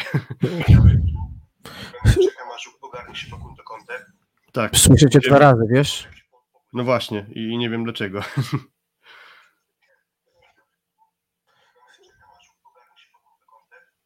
Jakiś włączyłeś gdzieś dźwięk czegoś u ciebie? Odtwarzanie transmisji albo coś? Nie, wydaje mi się, że wszystko jest dobrze teraz. Dobra, dobra, dobra, dobra, tak, chyba, chyba teraz jest ok. Więc jeśli coś dziwnego jeszcze usłyszycie, to, to dajcie znać. Mm, Nie, wydaje mi się, że wszystko jest dobrze a- no, no nie, dalej siebie słyszę, więc nie wiem, co zrobiłeś, ale dalej siebie słyszę u ciebie. Więc jeśli coś dziwnego jeszcze usłyszycie, to, to dajcie znać. To, to, to mów, a ja się wyłączę na chwilę i wrócę, dobra? Dobra. Dobra, Kuba nam na chwilę zniknie. Temacie tego spotkania, no już w sumie po tym pierwszym secie na pewno można było myśleć, no nie no, rewelacja z Katowic, wygrać trzecie spotkanie, będą mieli hatryk na starcie sezonu, to by byłoby wręcz aż no, niewiarygodne, chociaż aż dziwne się wydawało, że byli w stanie wygrać te dwa pierwsze spotkania, no, ale, ale już trochę skuteczności Jakuba Jarosza zabrakło i tak dobrze jak z Rosowią nie grał, więc y, też trochę pokazuje, że może gdy przyjdzie grać na bardziej normalnym poziomie dla akurat atakującego z GKS-u Katowice, to, to tak jak aż tak groźna nie będzie, ale nawet pomimo tego, że Jarosz grał trochę słabiej, to na pewno pozytywne wrażenie Katowiczanie y, zostawili, a po prostu przegrali z bardzo dobrą, dysponowaną, bardzo dobrze dysponowaną ekipą. Mm. No, czy to sprawdzę sobie, korzystając z okazji, jeszcze póki nie mam swojego interlokutora, e, komentarze na czacie. 200, tak, 200%, tak. e, Głos Filipa dzisiaj jest po prostu w szóstym secie. Dobra, mamy z powrotem Kubę, więc już go dodajemy. E, przepraszam i przepraszam też, że przeszkodziłem w tej rance we dwoje, jak czytam na forum. E, już jestem, Przyzwo- przepraszam, coś, coś musiałem... Przyzwo, przyzwoitek się pojawił. Tak, dokładnie, a to jest moje, jedna z moich ulubionych ról, zawsze wchodzić i wiesz, psuć takie sytuacje tak zwanym niedręcznym, co tam. E, też, wracając wracając do, do tematu, jakby, jakby wchodząc w twój wątek, o znowu teraz ja jestem sam, zobaczcie dzisiaj, jakie mam Nie, dla nie, już, już wracam. E, czy to, znaczy problemy Kolakowicza z jednej strony to są problemy duże, tak, bo nie masz Conte, który był przykowany i którym gdzieś mieliśmy oczekiwania dość wyż, du, dużo wyższe e, po, po medale, medaliście olimpijskim. Z drugiej strony zwróć uwagę, jaki to jest duży komfort jednak, że masz 9 punktów, masz swoje problemy, ich nie jest mało, ale za, zagrałeś z Katowicami, zagrałeś z Suwałkami, zagrałeś z Gdańskiem, czyli drużynami, które na tym etapie dość sporo punktują, albo inaczej. Katowice punktują, Suwałki i Gdańsk na razie mniej. Mm, Natomiast masz przekonanie, że zwierzyłeś się z zespołami, którymi byś walczył, przynajmniej Suwałki i Gdańsk o playoffy i ich ogrywasz. Czy gdzieś te twoje ambicje, które masz bycia w top pewnie 6, a najlepiej 4, się potwierdzają na, na, tym, sezo- na tym etapie sezonu, mimo tych do- dotychczasowych problemów. Czy tak, bo ty moim- właśnie mówisz o tym komforcie pracy Kolakowicza w kontekście tego, że wygrali wszystkie trzy spotkania. I wyobraź sobie sytuację, że grają tak jak grają, czyli duża zależność od znakomitego Urosza Kowacewicza, czyli po prostu na razie mi to wygląda, że za dużo zależy od niego. Jeżeli zacznie on grać słabo, trochę może zaczynać brakować odejścia, bo może niekoniecznie sam na przykład Piotr Orczyk y, wystarczy, a prawe skrzydło na razie mnie jeszcze w żaden sposób nie przekonuje, chociaż to wejście Malinowskiego nie było najgorsze, to chociażby Dawid Konarski grał słabo. I teraz wyobraźmy sobie sytuację, że Katowice, przepraszam, zawiercie zyskuje, nie wiem, trzy punkty w trzech pierwszych kolejkach. No to z takim poziomem gry byłoby chyba dużo niepewności co do tego startu zawiercia, że no, przegrywają mecze i grają niezbyt dobrze. A tu jest ten komfort, wygraliśmy mecze, więc mimo, że gramy niezbyt dobrze, to spokojnie możemy sobie dalej pracować i tak naprawdę nic się nie stało, bo, bo w kieszeni mamy dziewięć oczek. No dokładnie, to jest, to jest duży komfort, który moim zdaniem daje też taką swobodę do tego, żeby yy, prowadzić dalej równą rywalizację o szóstkę, bo, bo, bo pewnie ta rywalizacja na środku się będzie rozgrywać cały czas, jak wróci Szalacha, będzie rywalizacja cały czas na rozegraniu. Pewne przyjęciu będziemy próbować dalej budować kątę, no bo wydaje się, że pewnie jego sufit jest trochę wyżej niż Orczyka, a z drugiej strony Orczyk zaczyna kapitalnie sezon, drugie super wejście, więc tak naprawdę pytanie jest takie, czy może warto nie dać kątę trochę odpoczynku, żeby popracował trochę ciężej jednak w klubie, z tym no założeniem, że weekend... jego obecność na razie nie jest niezbędna, bo Piotr Gorczyk gra po prostu dobrze. Tak, dokładnie. No wiesz co, tu piszesz, piszecie o tym, że się rozpisze Urosza i skończy się romakowanie, ja mam takie, nie mogę się doczekać jego starcia z poważnym znaczy ja myślę, że Urosz generalnie od lat jest trudny do rozpisania, więc to może niekoniecznie tak być, że Urosza akurat rozpisał, rozpiszą, bo tak, tylko wiesz, swoją Polska, klasę już zobaczysz, mecz trzecie miejsce, mecz w grupie, my potrafiliśmy go zatrzymać. Nowakowski czy Kochanowski go umieli zatrzymać. I właśnie mówię, czekam na takie starcie kozaków, Eee, właśnie jak na przykład by przyjechał Nowakowski na Urosza, który dla mnie, no, czy, czy Wrona, który kapitalnie wygląda w bloku drugi sezon, jak właśnie na, na starciu z takim zespołem się, się spisze Uroż, bo, bo na ten moment on wykorzystuje każdą nierówność bloku, to zmienne tempo, pomagają mu dwaj rozgrywający, bo każdy mu gra inaczej, on jest tak elastyczny, że przy tej elastyczności swojej y, to mu daje jeszcze większą swobodę ataku. I generalnie na tym etapie no, można powiedzieć, że on pewnie niedługo się stawi po drugi przelew od, od, od, od klubu i na, to jest bardzo zasłużony, prawda, nie ukrywajmy, tak? Tak, tak, tak, zdecydowanie. No to w zasadzie to czekam na moment, kiedy Uroś Kowacewicz przestanie się łapać do siódemki kolejki, a może to nastąpić nieprędko. Na razie myślę, że regularnie, spokojnie można by go tam dawać. E, w kontekście zawiercia jeszcze niezbyt wyróżniają się środkowi, jeśli chodzi o taką wizualną ocenę gry. Natomiast ciekawostka z profilu klubowego na Twitterze. Przeczytam to. O nich z reguły mówi się mniej niż o skrzydłowych, a warto wspomnieć o kapitalnej skuteczności naszych środkowych. W dotychczasowych meczach skończyli 28 z 36 ataków, co daje aż 78% przy efektywności 72%. Także, że no to rzeczywiście, no faktycznie, może oni jakoś bardzo się bocznie nie rzucają, może nie atakują niesamowitej liczby piłek, ale swoje robią. Czyli jeżeli wystawa idzie na środek, to możesz z dużym prawdopodobieństwem stwierdzić, że ta piłka zostanie skończona. No to jeżeli mamy taką zależność od Kowacewicza, to pewnie ta skuteczność środka to będzie nie do przecenienia. No tak, to nawet widać w statystykach tego meczu. Y, I Niemiec, i, i zniszcza atakowali pięć razy, zdobyli punkt, e, więc to, to, to pokazuje pewnie, ale to chyba spodziewaliśmy się, że to nie będzie drużyna, która będzie dużo orać środkiem, nie? Więc tutaj wydaje mi się, że dużo rzeczy, jeżeli chodzi o grę zawiercia, się sprawdza. E, no kwestia, mówię, jeżeli Conte wróci, będzie wartość dodana i ustabilizuje się atak. Konarski lepszy blok niż Malinowski, natomiast no, że na razie poza tym występem Malinowskiego, na razie to, to, to mówię, to prawe skrzydło trochę go brakuje. Miałem mhm. przekonanie takie, że wiesz, po tym jak długo go zgrywali się Kawanna i Konarski, jak były mecze, kiedy Konarski atakował po 50 razy w sezonie przygotowawczym, że gdzieś ta współpraca wypali. No, a trochę mamy kontynuację Radomskiego, yy, yy, przepraszam, Konarskiego z Radomia, co wydaje mi się jednak w perspektywie oczekiwań do jednak dwukrotnego mistrza świata jest pewnym zawodem, ale mówię inaczej, mówi się o zawodach w zespole, kiedy masz 9 punktów, nawet jeżeli duża jego rola jest jednego zawodnika, inaczej gdy się mówi o zespole, który ma, nie wiem, punkt, 4, 0 w takiej sytuacji, więc, więc y, bardzo nie mogę się doczekać spotkania w weekend, bo wydaje mi się, że to będzie taki e, najbardziej może być wyrównany mecz, znowu takie starcie drużyn z drugiego szeregu, które zrobiły ciekawe transfery, trzymają duże ambicje, których myślę, że zadowoli to coś więcej niż playoff. I to jest, wydaje mi się, znowu czwarta kolejka, czyli kolejne 4 dni treningów, kolejne 4 dni dogrywania się, dogrywanie się w dość dobrej atmosferze, no bo jedna drużyna i druga wygrała w weekend. To jest tak naprawdę yy, dobre granie. Tak, tutaj się zgadzam z Danielem, tak, że dla Urosza dziewiąta kolejka, bo do dziewiątej kolejki trochę jeszcze takie rozbieganie, nazwijmy to, a od dziewiątej, od dziewiątej kolejki chyba tam będą e, rywale. Tak, dokładnie. Dokładnie tak, więc. No tak, ścieżka zdrowia, Jastrzębski Węgiel, Zaksa, Projekt Warszawa, PGS Krabełchatów, Jaseko Tak, Wrocławia, więc będzie, będzie na kim Urosza Kowacewicza przetestować. Dokładnie, który, jest, który wydaje mi się jest też obciążony mocno, bo było tak, latem ok, odpoczął, bo nie były igrzyska, ale potem przygotowanie wydaje mi się dość ciężkie Kowacza do, do Eurowoleja. No, ale też gdzie długo nie grał przez to, że podpisał kontrakt w Tak, to prawda, to prawda.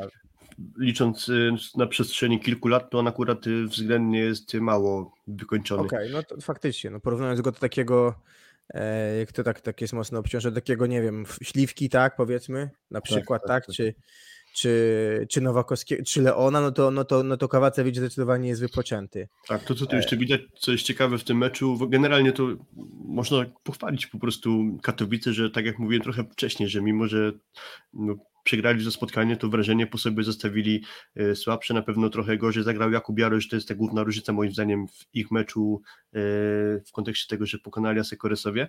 To, co się tu rzu- rzuca w oczy, to 11 błędów w zagrywce, czyli w czterech setach to wychodzi jakieś 5,5 zepsutego serwisu, licząc już obie ekipy, to jest w sumie bardzo niewiele. Czy tam było, Tak. było co wystawiać, bo, bo piłek grze zostało mm, sporo.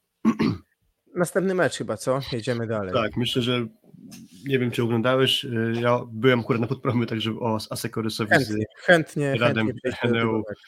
Czarnymi Radą możemy sobie jeszcze tutaj pogadać. Siatkówka Szósty set. Pomyliłem jingle, ale udało się jeszcze w ostatniej chwili naprawić.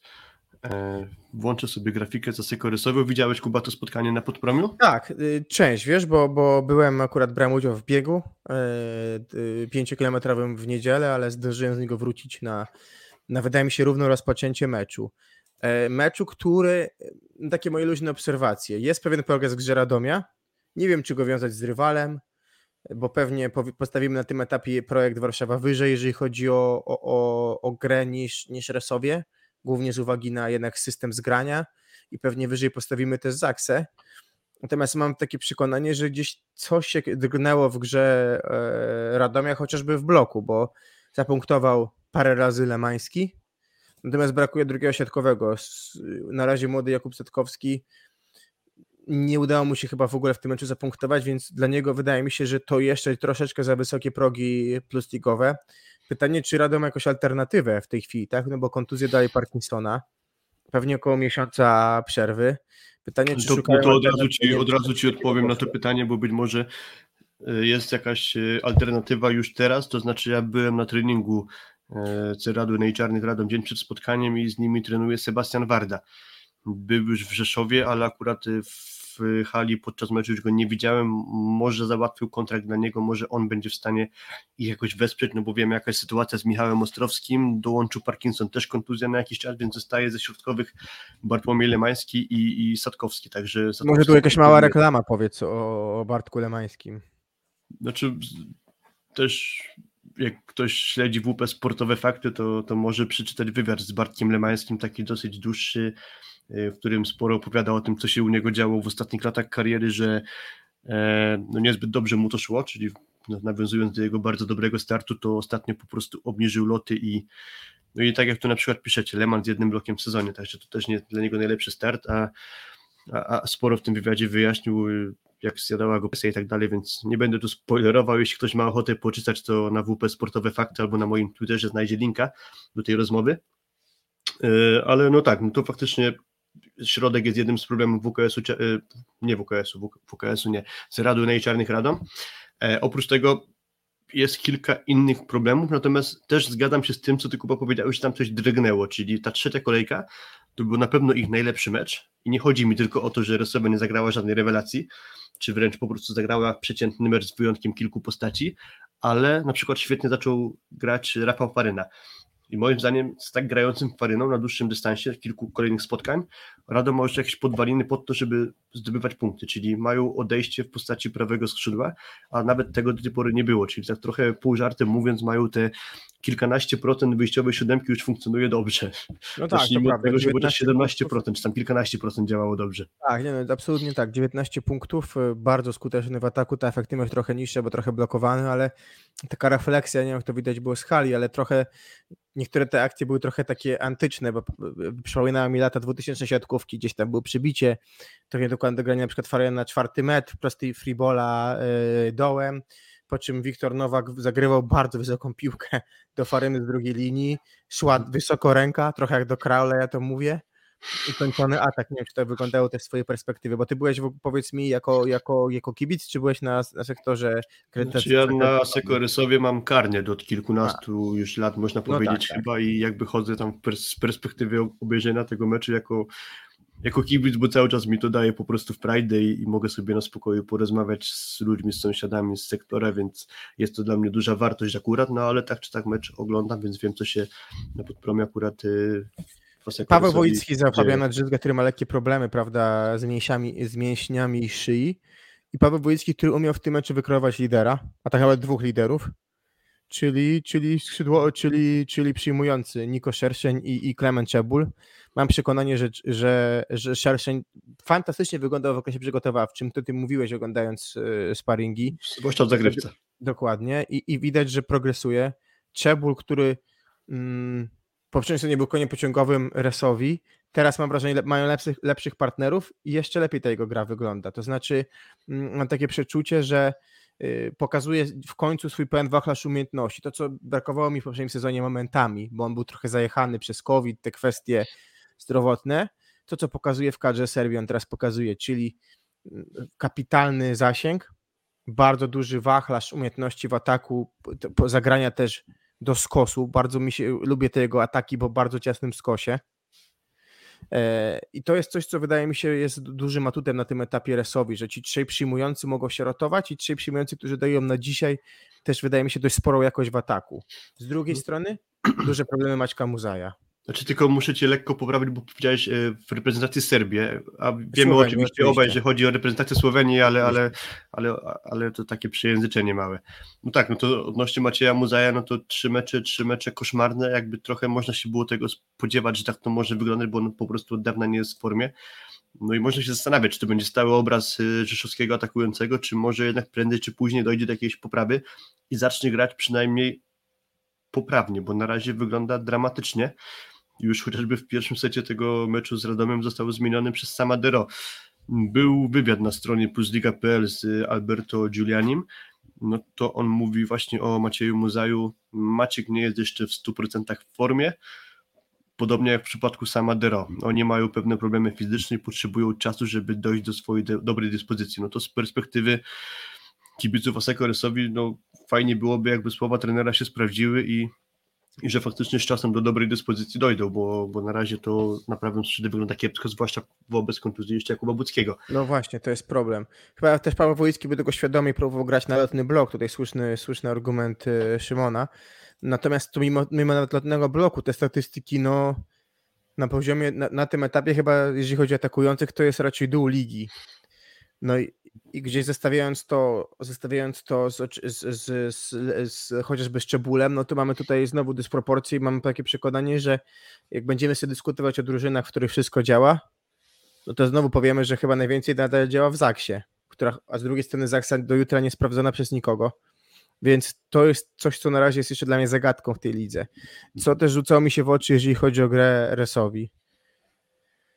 Giuliani kapitalnie pracuje moim zdaniem, jeżeli chodzi o blok na piłkach sytuacyjnych. Bardzo dużo Resowie blokuje piłek źle wystawionych, piłek, gdzie idzie, wiesz, dociągnięcie z 5-4 metra, to Resowia takie piłki świetnie blokuje. Yy, Bo, bo, bo i to jest, i to jest ta praca, moim zdaniem, którą wykonuje Giuliani z zawodnikami, że gdzieś, gdzieś te aspekty techniczne bloku wyglądają już na tym etapie bardzo dobrze Wersowi, e, no więc to, to jest dalej Resowia moim Chcę zdaniem. zauważyć, że to jest chyba jakby znamie jego systemu gry, bo Tak. grał im Królicki w pierwszym składzie już w tym Tak. sezonie, Tak. e, grał I Tamema. Kozamernik, teraz wszedł jeszcze Kochanowski, jest Tamema, mimo tego nie widać tutaj takiej jakości akurat w tym aspekcie gry, o którym, spadku jakości, w tym aspekcie gry, Tak, o którym dokładnie. ty dokładnie teraz mówisz. Tak, dokładnie. Bo, Myślę, że tu jest właśnie rola Giulianiego. Mhm. tak, no na razie jeszcze Kuba Kochanowski był wykorzystywany, ale to mówię, parę ładnych zagrań z tyłu zagrał Paweł Wojicki, natomiast U- Wydaje Z mi się, że- też czytałem wywiad, on mówi, że dopiero co wrócił po kontuzji barku, więc jakby z jego grą to jeszcze powinno być lepiej. no to na spokojnie. Wydaje mi się, że Resowia na, na, na, mocno zaciągniętym ręcznym, ale jest 6 punktów. No i To nie Kochanowski i Giuliani w wywiadach mówią, że na razie grają na 40% możliwości i, i No myślę, że to jest uczciwe, zdaniem, prawda? myślę, że to jest uczciwe postawienie sprawy. Tak. Na pewno do, Mm. do pochwalenia oprócz, mówię jeszcze Bula, oprócz Szerszenia jest też y, Paweł Zatorski. Tak. Y, Pierwszy set moim zdaniem to jest duża zasługa jego, że Rosja tej partii nie przegrała, bo Tak. kapitalnie przytrzymał parę zagrywek. To, co mi się też podoba, to jego duża energia już od samego początku, jest takim chyba dobrym duchem tej ekipy. Y, Kilka razy się rzucił tam na szyję Klemena Czebula po udanych akcjach, które mi się od razu przypominało. Kilka lat temu Zenit Kazań tak grał, że był Leon, był Aleksiej Wierbow i Wierbow właśnie podobnie tak reagował żywiołowo i się rzucał na szyję Leona do tego stopnia, że Alek no, zabronił y, Wierbowowi się na tej szyi zawieszać, żeby go tam jakoś nie uszkodzić. Także kto wie, czy prędzej czy później trochę Paweł nie zostanie utemperowany, no ale na razie ta jego energia jest taka bardzo zarażająca i, i to mi się na pewno bardzo... Myślę, że wiesz, mając na uwadze na 40%, taka energia się dodaje 10% dodatkowe, które gdzieś tam pomaga wygrywać te sety, więc Mhm. myślę, że wszystko przed Resowią i, i fajnie, że taka drużyna jest, w której, w której widać, że, że jeszcze jest dużo do poprawy, a mimo wszystko to, te mecze już jako tako wyglądają, tak? Bo widzieliśmy wspólnie mecz w Iławie, teraz ty widziałeś e, na podpromie, także wydaje mi się, że, że, że tutaj jest duże pole do progresu i, i chyba z każdą kolejką to będzie widać. E, więc chyba może następny mecz, co? Nie wiem, czy. czy Jeszcze czy tylko pa- parę zdań o zespole z Radomia. Tak, te dwa pierwsze sety w sumie mogły, niewiele brakowało, a jeszcze by prze... odwrócili na swoją stronę. Ten drugi to już wręcz niewiarygodny, bo chyba prowadziła Rysowia zdaje się 20 do 11 czy 20 do 12. 19-12, wiesz, chyba było jednak. Ktoś mi się. Albo 20-12. A Nawet 19, 20, no w każdym razie powiedzmy 7-8 punktów, tak czy tak to jest dużo. A doszło do tego, że Rosowia wygrała tę partię tylko do 24.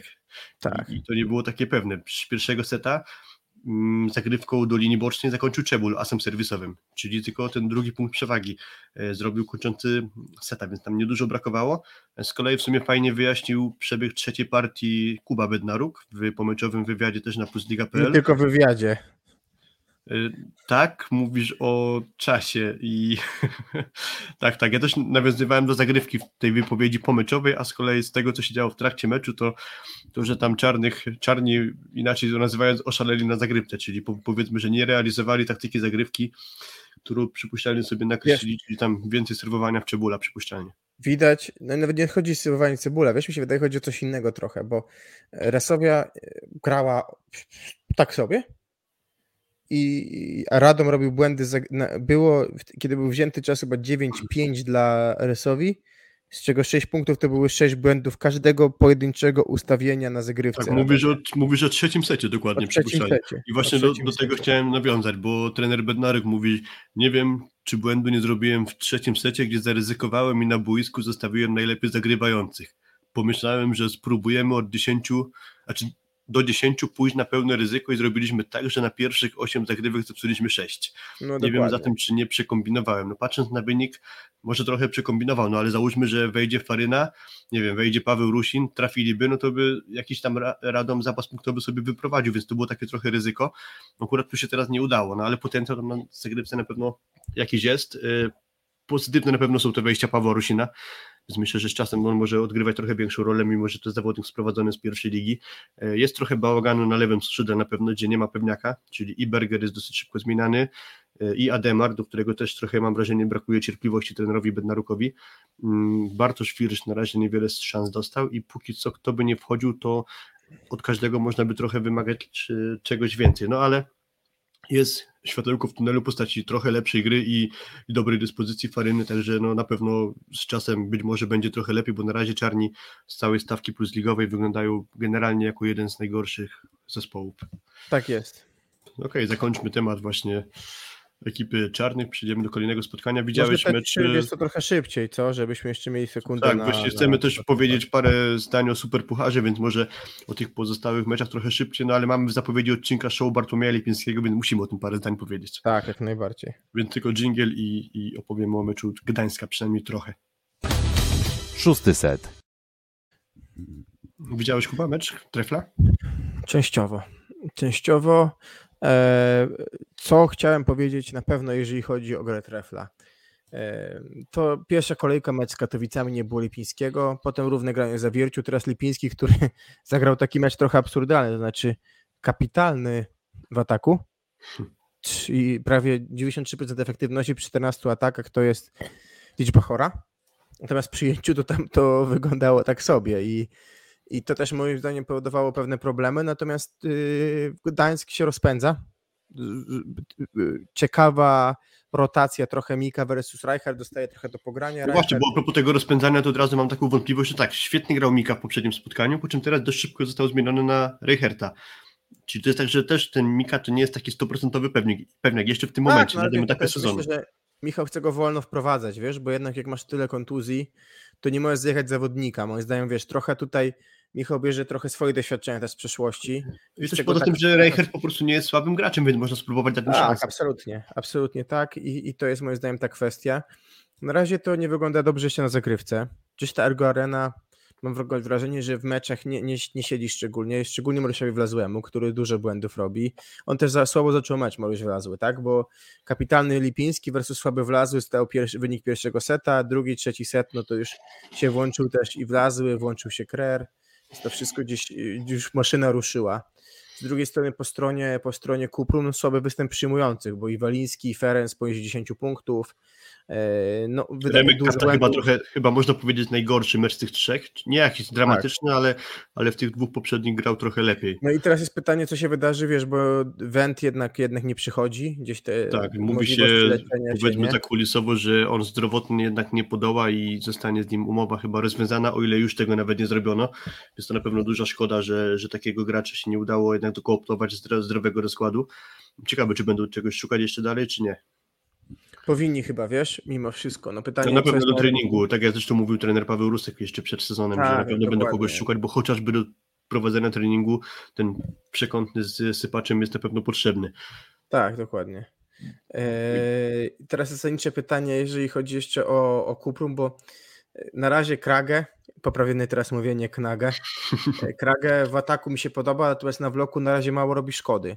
I Tak, wydaje ja- mi się, że jeszcze trochę za, wolne, za szybko jest dla niego granie moim zdaniem w lidze. I to jest też pytanie, bo mając, mając Gunię e, i Pietraszkę, e, no to mam, mam takie przekonanie, nie wiem, czy tam będzie odpowiednio dużo jakości na bloku, żeby, żeby ułatwić sobie granie trochę w akcji rywala. Ja mam w ogóle wrażenie odnośnie Floriana Kragę, że on chyba, znaczy nie znam dokładnie jego historii, powiedzmy długości gry w siatkówkę, ale jakbym go zobaczył bez znania w ogóle totalnie zawodnika, to bym powiedział, że on siatkówkę trenuje od bardzo niedawna, bo ma takie różne dziwne ruchy.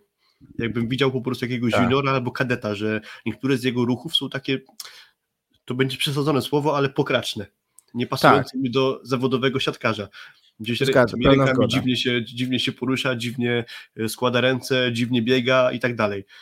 No ale no, akurat trener mu nie wyszedł, bo, bo tam chyba nawet na ujemnej efe- efekty- efektywności ataku skończył, ale, ale, ale ogólnie to ciekawy zawodnik, na pewno podoba mi się jego zagrywka na środkowego, serwuje z wyskoku, E, kilka z tych poprzednich meczów miał na pewno na dwa mecze, Tak, konkretnie prawda, miał lepsze. Mm, ale jakby nie wchodząc może w szczegóły, bo, bo za- zakończony mecz w trzech setach, to co najważniejsze to podkreślenie występu Bartłomieja Lipińskiego i nawet się posłużymy staty- statystykami nieobecnego już dzisiaj z nami Piotra Złocha. Występ Bartka Lipińskiego pod względem efektywności ataku był drugim w historii e, efektywności ataku w, mm, skrzydłowych plus lidze, czyli jeżeli mamy ponad 10 ataków, to powyżej 90% efektywności zagrali do tej pory Kapelus, Sergii Kapelus na 100%, czyli skończył 13 z 13 piłek. To było w meczu Gieksy z Stocznią Szczecin w 2018 roku. Drugi właśnie Bartek Lipiński w tym meczu z Kuprum, czyli 93,3%. Skończył 14 z 15 piłek. Jako trzeci sam Dero, 93%, 13 z 14 skończonych piłek w meczu z Aksy z BBTS-em Bielsko-Białą e, w 2017 roku, czyli jakby można powiedzieć, że wicekrólem efektywności ataku jest Bartek Lipiński, przy czym ten występ Kapelusa był w fazie playoff, więc można powiedzieć, że Lipiński zagrał najlepszy mecz w efektywności ataków wśród szydłowych powyżej 10 Ale wiesz, mówisz o takim wyniku kapelusa, ja patrzę na tego zawodnika i mówię, jak to się udało. No tak, bo to też nigdy nie był zawodnik, który raczej był takim tytanem ofensywy. Dokładnie. No, ale, Idziemy ale dalej, jednak, co? Ale jednak mu się udało, tak. E, Zaksa, chyba Zaksa z, z, Tak, no to tylko szybki dżingiel i... Szósty set. Myślę, że tutaj nie ma co się za bardzo rozgadywać, bo w sumie nie był to jakoś bardzo urozmaicony mecz. Pierwszy set w sumie wyrównany, 21 do 20 prowadziła Zaksa, ale chwilę później już y, padła partia jej łupem, dwa kolejne sety bez większej historii. Tak, no krótko, pierwszy set przewaga Zaksy, potem y, postój, przestój i y, tak, y, generalnie. O 16 do 11 było w pierwszym tak, secie tak. dla Zaksy, po czym się zrobiło 21 do 20. Ice G, dobry, dobry, dobry komentarz. MVP Kampa, rozmawiamy o Lipińskim, nasi superwizorzy. Tak, no, komisarze to jest moim zdaniem ciekawa historia. My mieliśmy niezwykłą przyjemność na naszym meczu. Filip na torwarze komisarzem był chyba Waldemar Kobienia, prawda? Tak, to, to prawda. Tak, dawno, to dawno nie widziałem pana Kobieni, tak. a, a był chyba komisarzem właśnie. Dokładnie tak. Jeżeli chodzi o, jeżeli chodzi tak, absolutnie Janusz top i jeszcze top y, twój y, krajan, y, Norbert Huber, bo e... Tak, uwaga, rzucam ciekawostką, pochodzę z Humnis i z Humnis pochodzi Norbert Huber. No i właśnie twój krajan co zrobił? Przytrzymał go na, na ławce kretu. W pierwszym secie tak sobie wyglądał Smith. Skończył jeden z trzech ataków, na bloku nic nie podziałał i zostawił Krzysia Rejno, yy, zostawił Krzysia Rejno kretu, wpuszcza Hubera i pierwsze, ja pamiętam, bo oglądałem drugi set, pierwsze pięć akcji, kto zdobył pięć, pierwszy, nie, pierwsze sześć akcji, pierwszy punkt zdobył chyba Śliwka na kontrze, a kto zdobył następne pięć punktów? Norbert, Norbert, Norbert Huber. Tak, dwa ataki, trzy bloki. Dykcja dziś zaczęła zawodzić, muszę się wody napić. Tak, dwa ataki, trzy bloki. Ciężko bardziej zaznaczyć swoje wejście na boisko. Chyba w ogóle po jednej z tych piłek e, od jednej z tych piłek e, uścisnął kretu i mówi Morto, no czemu nie grałem od początku? A to też nie był jego pierwszy mecz, który zaczął na ławce, bo on chyba sezon zaczął od gry na, zaczął, jakby tak, od, ławce, od ławki rezerwowych. Tak jest, w ogóle jest go w pierwszym meczu, zagrał cały drugi, trzeci, a widać, kiedy będzie duży plus, no i gra Janusza, to co pisze tutaj Szymon, absolutnie tak. Janusz kapitalnie grający ze środkowymi, to przeciąga już podczas Gdańska e, pracy, pracy wiesz, pracy z, z Kretu, e, przepraszam, pracy w z Winiarskim i z Krerem, na, na, na, na, na pobyt w Kedzierzynie i takie pytanie, które sobie gdzieś tam stawiam, zastanawiam się nad tym, czy, czy nie uważasz trochę, może za szybko na te tezy, ale może Jastrzębie, zrobiło błąd? Bo kiedyś Jastrzębie zakontraktowało Fornala i wydaje się, Popiw, Popiwczak jest wychowankiem, ale Fornala z Radomia i ma, wydaje się, zawodnika lata. Tutaj postawiono Toniutego, Zaksa weszła w Polaka, który jest na mega rozwojowej ścieżce. No jakśmy powiedzieć, popatrzeć na rozwój Janusza ostatnie dwa sezony, no to jest kapitalny rozwój, tak? Przecież on w 19 roku był rezerwowym za komendą, a patrzymy, zaczyna sezon fenomenalnie. Tak, jakby grał z tą ekipą od lat, można powiedzieć. Tak, Zresztą nawet, dokładnie. czy to mówimy o Eriku Szodzim wkomponowanym do zespołu, czy też dobrych meczach Norberta Hubera, więc na razie te transfery out z Zaksy jakoś się nie odbijają na zespole, tylko musimy pamiętać o tym, z kim Zaksa na razie grała, bo Dokładnie. to, że oni nie stracili na razie setup plus lidze, to też po części może jest w cudzysłowie zasługa mm, tych ekip, które stawiamy raczej gdzieś w dole tabeli, czyli na przykład y, Beniaminka, y, Luk Lublin. Mm, w kontekście y, Zaksy jeszcze chciałem powiedzieć... E, Zaraz, bo wy, wyleciał, wybiłeś mnie z uderzenia. E, ale aha, no to, no to właśnie, no to wygrane, wygrane trzy sety, nie stracili seta, no to mecze z tymi słabymi przeciwnikami. No i nie będziemy jeszcze może mówić o Superpucharze, bo to jest jutro pierwszy sprawdzian z akcji. To będzie chyba tak, dokładnie, najbardziej dokładnie. miarodajne e, spotkanie. Co do Lublin na razie komplet porażek, tylko jeden set urwany mm, Jastrzębskiemu Węglowi w debiucie w ich hali w Plus Lidze i wrócił do grania Wojciech Włodarczyk, ale na razie to wygląda słabo, a to jest chyba gracz, który no, musi zacząć grać dobrze, żeby cały Luk Lubin mógł zacząć punktować, bo sam Bartosz Filipek, który gra może nieźle, ale ale też jeszcze nie najlepiej, no to na pewno nie wystarczy. Generalnie Tak, też jest problem, tak jak w Radomiu. Tak, TPA na Zaksie pewnie jutro. Co jeszcze szybko z Kranysa? Znaczy szybko, chyba tak. yy, I potem może Super Puchar, co może trochę pomyliśmy kolejność, byśmy przeszli przez Zaksę płynięć Super Pucharu, ale yy, nie mając... Szósty set. Tak, więc e, czy zostaje nam jeszcze mecz PGS Kryb zakończony po tej breku. Ja muszę ci powiedzieć, że tego meczu nie zdążyłem zobaczyć po prostu, e, bo był Mhm. długi i, i brakło mi na to czasu. E, Czytałem o kontrowersjach sędziowskich z tego spotkania. Szukałem skrótu tego meczu, ale nie było na stronie Polsatu Sport. Myślałem, że te kontrowersje zobaczę, ale mi się nie To udało. ja, to ja mogę Gdzieś, gdzieś jednym okiem w trzecim secie coś chyba sędzia podgrzał atmosferę, zdaje się, nie jestem pewny. Tak. To już ci mówię, ja oglądałem właśnie od tego momentu, bo wcześniej byłem w kinie na filmie, który mi polecałeś Aida i trochę, O. wiesz, będąc po, po filmie taki trochę wstrząśnięty, e, oglądałem ten mecz tak trochę na chłodno. No trzeci set po 23, nie, przepraszam, 24-23 i sędzia odgwizda piłkę rzuconą, czy podwójne odbicie od, odgwizduje mm, Nysie. To jest zawsze moment, kiedy to podwójne odbicie nie jest tak oczywiste, że piłka zostaje w rękach. To jest zawsze taki moment, wiesz, pewnego niesnasku w drużynie, tak, który jest i i e, nie dał teraz, potem nie mogli tego sprawdzić bodajże zawodnicy Nys, jak dobrze pamiętam i z tego się, się, się zaczęła cała awantura. I chyba w breku set- coś jeszcze się działo. Tak, tak, już ci mówię, czwarty set pod dyktando Nysy, mm, świetny u was Inventara, czyli znowu wraca się to, co mówiliśmy, czy znowu w tych drużynach Radom, Nysa, bez top atakującego trochę nie ma czego szukać. Z Bentara rewelacyjny, daje czwarty set i daje tiebreak i potem w piątym secie e, wiesz co, przy piłce, przy piłce remisowej bodajże po 15, absolutne podwójne pchnięcie, tak jak Dearo zrobił Atanasiewicz i sędzia to puścił. Tam bardzo zły Krzysztof Stelmach, łapał się za głowę w ogóle mówiąc, nie, nie wierzę w to niemożliwe, wiesz, tam możemy... To, to tę reakcję Krzysztofa Stelmacha akurat pamiętam jeszcze, bo to miałem Tak, okazję gdzieś tak. kątem oka na telewizorze zobaczyć. Trochę, trochę mi się przypomniał Maciej Skorża kiedyś, nie wiem czy pamiętasz, jak, jak z, na meczu z Legią, jako trener Lecha tam podbiegał do bocznego i mówił, to nie jest czerwona kartka, była sekuracja, nie, a niech, i potem e, sędzia techniczny mówi usiądź, nie jesteśmy na ty, dobrze? Więc tutaj bardzo podobnie reagował Krzysztof Stelmach, też pouczał sędziego, sędzia do niego też na ty, on też się irytował, więc wiesz, więc generalnie gdzieś tam było takie przekonanie, wydaje mi się, Nysa może się czuć skrzywdzona, w Nysie świetny sztol na zagrywce, miał swoje serie, no i kapitalny Rudara chyba. Tak, plus szybka zmiana, e, jeżeli dobrze pamiętam, e, chyba Bartosz Bućko od czwartego seta Tak, już grał. Pęczewa na- Pęczewa na Bućkę. dobre spotkanie. tak, pęczewa na bućkę i bućkę dużo zn- znowu wnosi, ci, ci leworęczni zmiennicy dużo dają, to jest dosyć A ciekawe. też wniosek. Bućko zagrał chyba niezłe wejście, miał w poprzedniej kolejce zdaje się, więc być może będzie tak, że od kolejnej kolejki już nie Mikołaj Pęczew, a właśnie Bartosz Bućko zacznie Wiesz, w Ciężko i... nie zmieniać, nie zmieniać, jeżeli masz Pęczewa, który gra w pierwszym secie.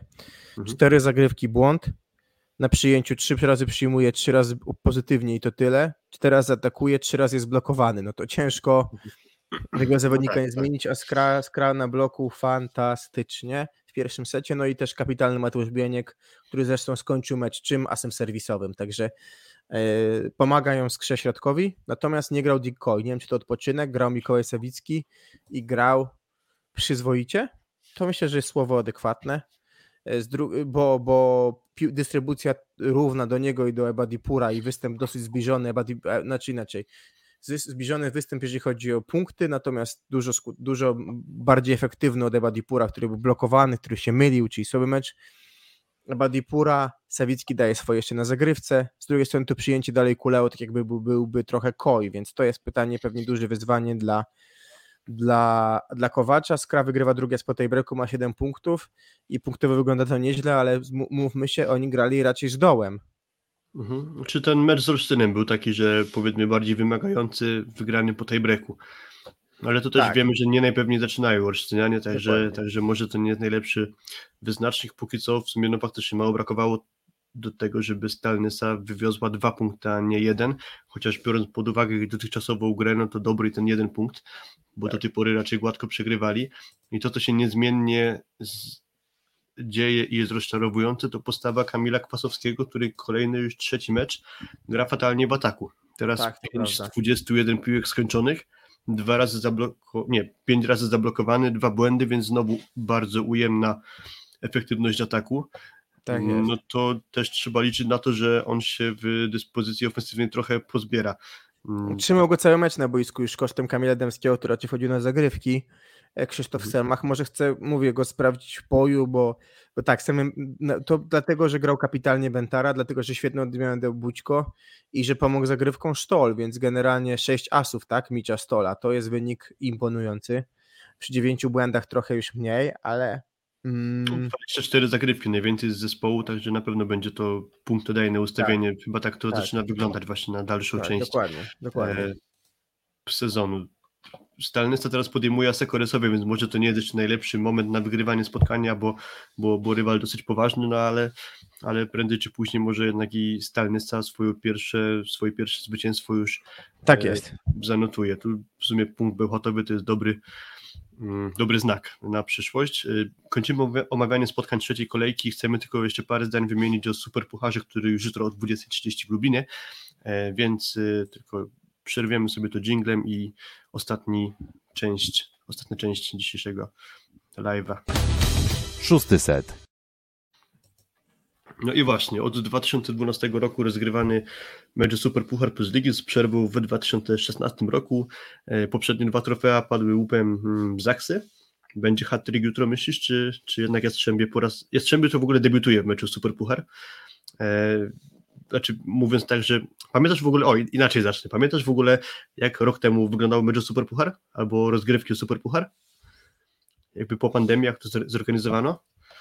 To ja ci w takim razie Yy, razu- tak, pamiętam. To był super okej. puchar Polsatu i plus ligi i coś takiego. I było cztery drużyny, cztery mistrzowie Polski z przeszłości, czyli Skra, Jastrzębie, Resowia i Zaksa. W półfinałach była e, Zaksa chyba z Jastrzębiem, a E, Skra Nie, z Resowia z. Zaksą i Jastrzębie ze Skrą. Wygrała Skra i wygrała Zaksa i Zaksa ograła Jastrzębie w meczu finałowym. A akurat te cztery ekipy grały dlatego, że to były jedyne ekipy, które zdobywały Mistrzostwo Polski w Tak historii jakby zawodowej ligi. Stąd Tak po jest, sezonie dokładnie. covidowym taka dziwna obsada i, i granie z półfinałami. I, Jaka i ocena mojej odpowiedzi I- w a pamiętasz, pamiętasz, gdzie to było? E, masz- Tak, to było blisko ciebie w Arłamowie, w hotelu Arłamów. Arłamowie, tak. No dobra, Arłamowem się wybroniłeś na 4 z minusem. Okej, może być. No więc jakby de facto to nie jest debiut Jastrzębskiego Węgla w meczu Super Puchar, no ale wtedy, wtedy to była taka trochę nietypowa mm, organizacja, no i nie zagrali w meczu finałowym. E, teraz po raz pierwszy mają szansę zdobyć to trofeum. Zaksa może po raz trzeci z, rzędu e, Super Puchar Polski wygrać. No i, i teraz już po tym krótkim wstępie historycznym, jak twoje wrażenia i kto twoim zdaniem, jeżeli ten mecz będzie już jutro, sięgnie po trofeum? Dobra, w gramy w piątek do, do, do 24 praktycznie. Wracamy do Jastrzębia. Widać było moim zdaniem, że fizycznie Jastrzębie ten mecz z Werw, przepraszam, z projektem Warszawa zniosło ciężko. Wypoczęta Zaksa, grająca u siebie, szybkie 3-0, więc na pewno po stronie sił więcej po stronie Zaksy. Mecz jest grany w Lublinie, prawda, w hali Globus, dobrze pamiętam? Eee, więc, więc skoro mecz jest grany w Lublinie, to drużyny mają podobny dojazd, już więc jakby zostawiając na kwestie jakby tutaj zmęczeniowo-logistyczne, Zaksa pewniejsza, Zaksa dokładniejsza, ale grająca z zespołami niewymagającymi. Dlaczego mówię tylko o Zaksie? Bo mam wrażenie, że Zaksa ma mniejsze dołki na razie niż Jastrzębie, bo zwróć uwagę, że grała Zaksa z Lublinem, Jastrzębie też, jednak Lublinowi udało się wygrać seta z Jastrzębiem. Z Zaksą Tak, duży, duży dołki- przestój w trzeciej partii tamtego No spotkania. I też te, te przestoje było widać na, w Torwarze, oczywiście z rywalem wymagającym, cięższym na zagrywce, ale przecież Zaksa też rywal wymagający, więc jeżeli dzisiaj wydaje mi się, że Zaksa jest trochę wyżej niż projekt, to tym bardziej powinna to Jastrzębie łyknąć, gdzie tak, to Newty na razie nie dojeżdża i to nie jest jakby ten zawodnik, jaki ma nazwisko. Środek z nim wygląda średnio. E, No i y, Błaje dwa mecze takie, jeden doskonały, ale zmierzy się ze świetnym blokiem Błaje, bo zmierzy się z blokiem Semeniuka i niezłym blokiem Śliwki, więc tak naprawdę to duże wyzwanie. Wiesz co dla mnie jest najciekawsze? Nowa Zaksa z zupełnie innym je- blokiem Janusza. No ile to będzie, bo Jastrzębie zwróć uwagę powiela scenariusz Zaksy, czyli wycofuje to Tak. Newtiego, prawda? A jak Tak. to będzie wyglądało tutaj na, na, z poważnym rywalem, jeśli chodzi o Zaksę, e, która będzie po raz pierwszy postawiona przed presją taką i na zagrywce moim zdaniem, i na wysokiej piłce. To jest dla mnie duże wyzwanie. No właśnie, no bo inaczej się gra z Lug Lublin, a inaczej się gra z taką ekipą jak Jastrzębski Węgiel, tylko właśnie jakby widzę, że mamy mniej więcej podobne zdanie, czyli jeżeli ten mecz jest już jutro, to na jutro moim zdaniem faworytem jest Zaksa, która na razie nie widać po niej, że odczuwa jakieś e, skutki tego, że wymieniła de facto dużą podstawę swojego składu. Mm, Nie cierpi na razie na odejściu Bena Tuniutiego chociażby, czy Pawła Zatorskiego, no ale to jest ten mały podpunkt jeszcze, że czy ta gwiazdka taka, że no na razie nie zostali poważnie przetestowani jeszcze, no bo być może niższa klasa rywala po prostu nie wymagała tego, żeby, żeby mieć odpowiednio ciężkie postawione warunki, a akurat Jastrzębski Węgiel w meczu piątkowym z Warszawą się mocno tłukł na dobrym poziomie, tak. nie wszystko tam funkcjonowało dobrze, no ale to na pewno będzie najpoważniejszy rywal, to, to nie ma w ogóle nad czym się zastanawiać, mm, ale sporo mankamentów w, grze Jastrzębia się rzuca. Niepewność chociażby Boyera, czyli dosyć proste, cały czas przydarzające mu się błędy, trochę niezgranie jeszcze Bena chociażby ze środkowymi, czyli mimo tego, że oni gdzieś może sobie radzą jakimiś plasami czy kipkami, no ale to, to nie są pewne uderzenia i w przypadku gry akurat przeciwko Zachsie to niekoniecznie może być e, skuteczne. Do tego Kleveno trafił na poważniejszy blok projektu Warszawa i już grał trochę słabiej. E, Już ten jego, ta jego miękkość nadgarstka okazała się być może trochę Tak, zbyt duża i, i na Zachce to też może nie wystarczyć. Do tego mówiłeś o tym zmęczeniu. E, Plus jakiś być może taki, czy lekka przewaga Jastrzębia jest taka, że oni wygrali już w hali Globus, czyli inaugurowali sezon w tej hali, Tak. który jutro zmierzą się o Superpuchar Polski, także to może być jakaś ich lekka przewaga. E, Generalnie moim zdaniem Zaksa ma jednak lepszą sytuację i może być tak, że trzeci raz z rzędu to trofeum y, zgarną. Tam wcześniej jakby chcemy doprecyzować, bo widziałem w komentarzach, że zaczęło się pojawiać, że Zachsa w finale nie wygrała w poprzednim sezonie ze Strzemskim Węglem. To, to mogłem się ja na początku pomylić, a potem wyjaśniłem, że Zachsa wygrała z Skrą, tamten super puchar, a Skra grała Jastrzębie w półfinale, to tak precyzując tylko. Jaki Mm, typ? Mój typ jest taki, że Zachsa to spotkanie wygra 3 do 1. Widzisz, wy- wyjąłeś mi to z ust, też tak chciałem powiedzieć, więc wydaje mi się, że tutaj z naszej strony Zaksa liczymy na dobre granie, wcześniej panie. Deweloper jest, prawda, z chemikiem o 18, więc fajne takie wydarzenie. Trochę 17.30 powielamy, chyba dokładnie. powielamy trochę e, finał Ligi Mistrzów, a panowie 20.30, prawda, danie główne i dobre granie niech się szykuje. Tak, jeszcze jakby dwoma zdaniami jestem ciekawy, co ty sądzisz. Jaka jest w twojej opinii ranga Superpucharu? No, fajne granie o jakieś trofeum, po którym możesz napić się z puchara e, e, jakiegoś trunku, chwilę sobie potańczyć i uznać, że wygrałeś coś. Myślę, że ciut więcej niż mecz ligowy, to tyle, nawet- wydaje mi się. Widziałem na bandach reklamowych z lublińskiej hali Globus, że spo, jednym ze sponsorów jest Bradry, więc przypuszczalnie będzie można Drukareczka. kolejne Tak drukarki zgarnąć. Jestem ciekawy, czy trochę lepiej będzie zorganizowana dekoracja pomeczowa, bo po Pucharze Polski ostatnim w Krakowie można było mieć pewne zastrzeżenia. Tylko teraz kibice, nie? Więc wtedy bez kibiców, teraz kibice, także piękna sprawa i, i, i oby tak jak najdłużej, jak najwięcej. Tak, jakby pytałem cię o tę rangę superpucharu, bo ja mam takie zdanie, że ten puchar jest, ma dużą rangę dla drużyny, która go wygra, a nieistotny dla drużyny, która go przegra. No tak, ale wiesz, Więc- drużyna, która wygra ma go w gablocie, a zawsze w gablocie, jak idziesz sobie i mówisz, o, tam grałem, o to zdobyłem, mimo że to jeden tak, mecz, tak, to prawda, daje. to prawda.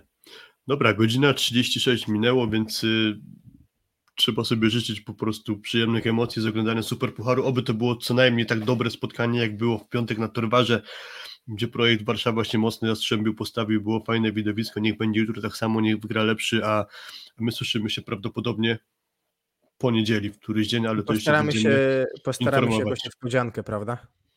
Tak, postaramy się jakąś niespodziankę, także będzie, będzie się na pewno u nas działo, więc śledźcie nas na naszych social mediach, czy to na Twitterze, Facebooku, czy Instagramie. Tam też jest nasze, na Instagramie właśnie nasze nagranie e, rozmowy z Andreą Anastazjem po meczu na Torwarze. Jeśli jeszcze nie subskrybujecie, to kliknijcie subskrybuj, dajcie łapkę w górę. Będzie nam bardzo miło i głoście wieść o szóstym secie. Trzymajcie się, do usłyszenia. Dzięki, trzymajcie się, dzięki za dzisiaj, papa. Pa.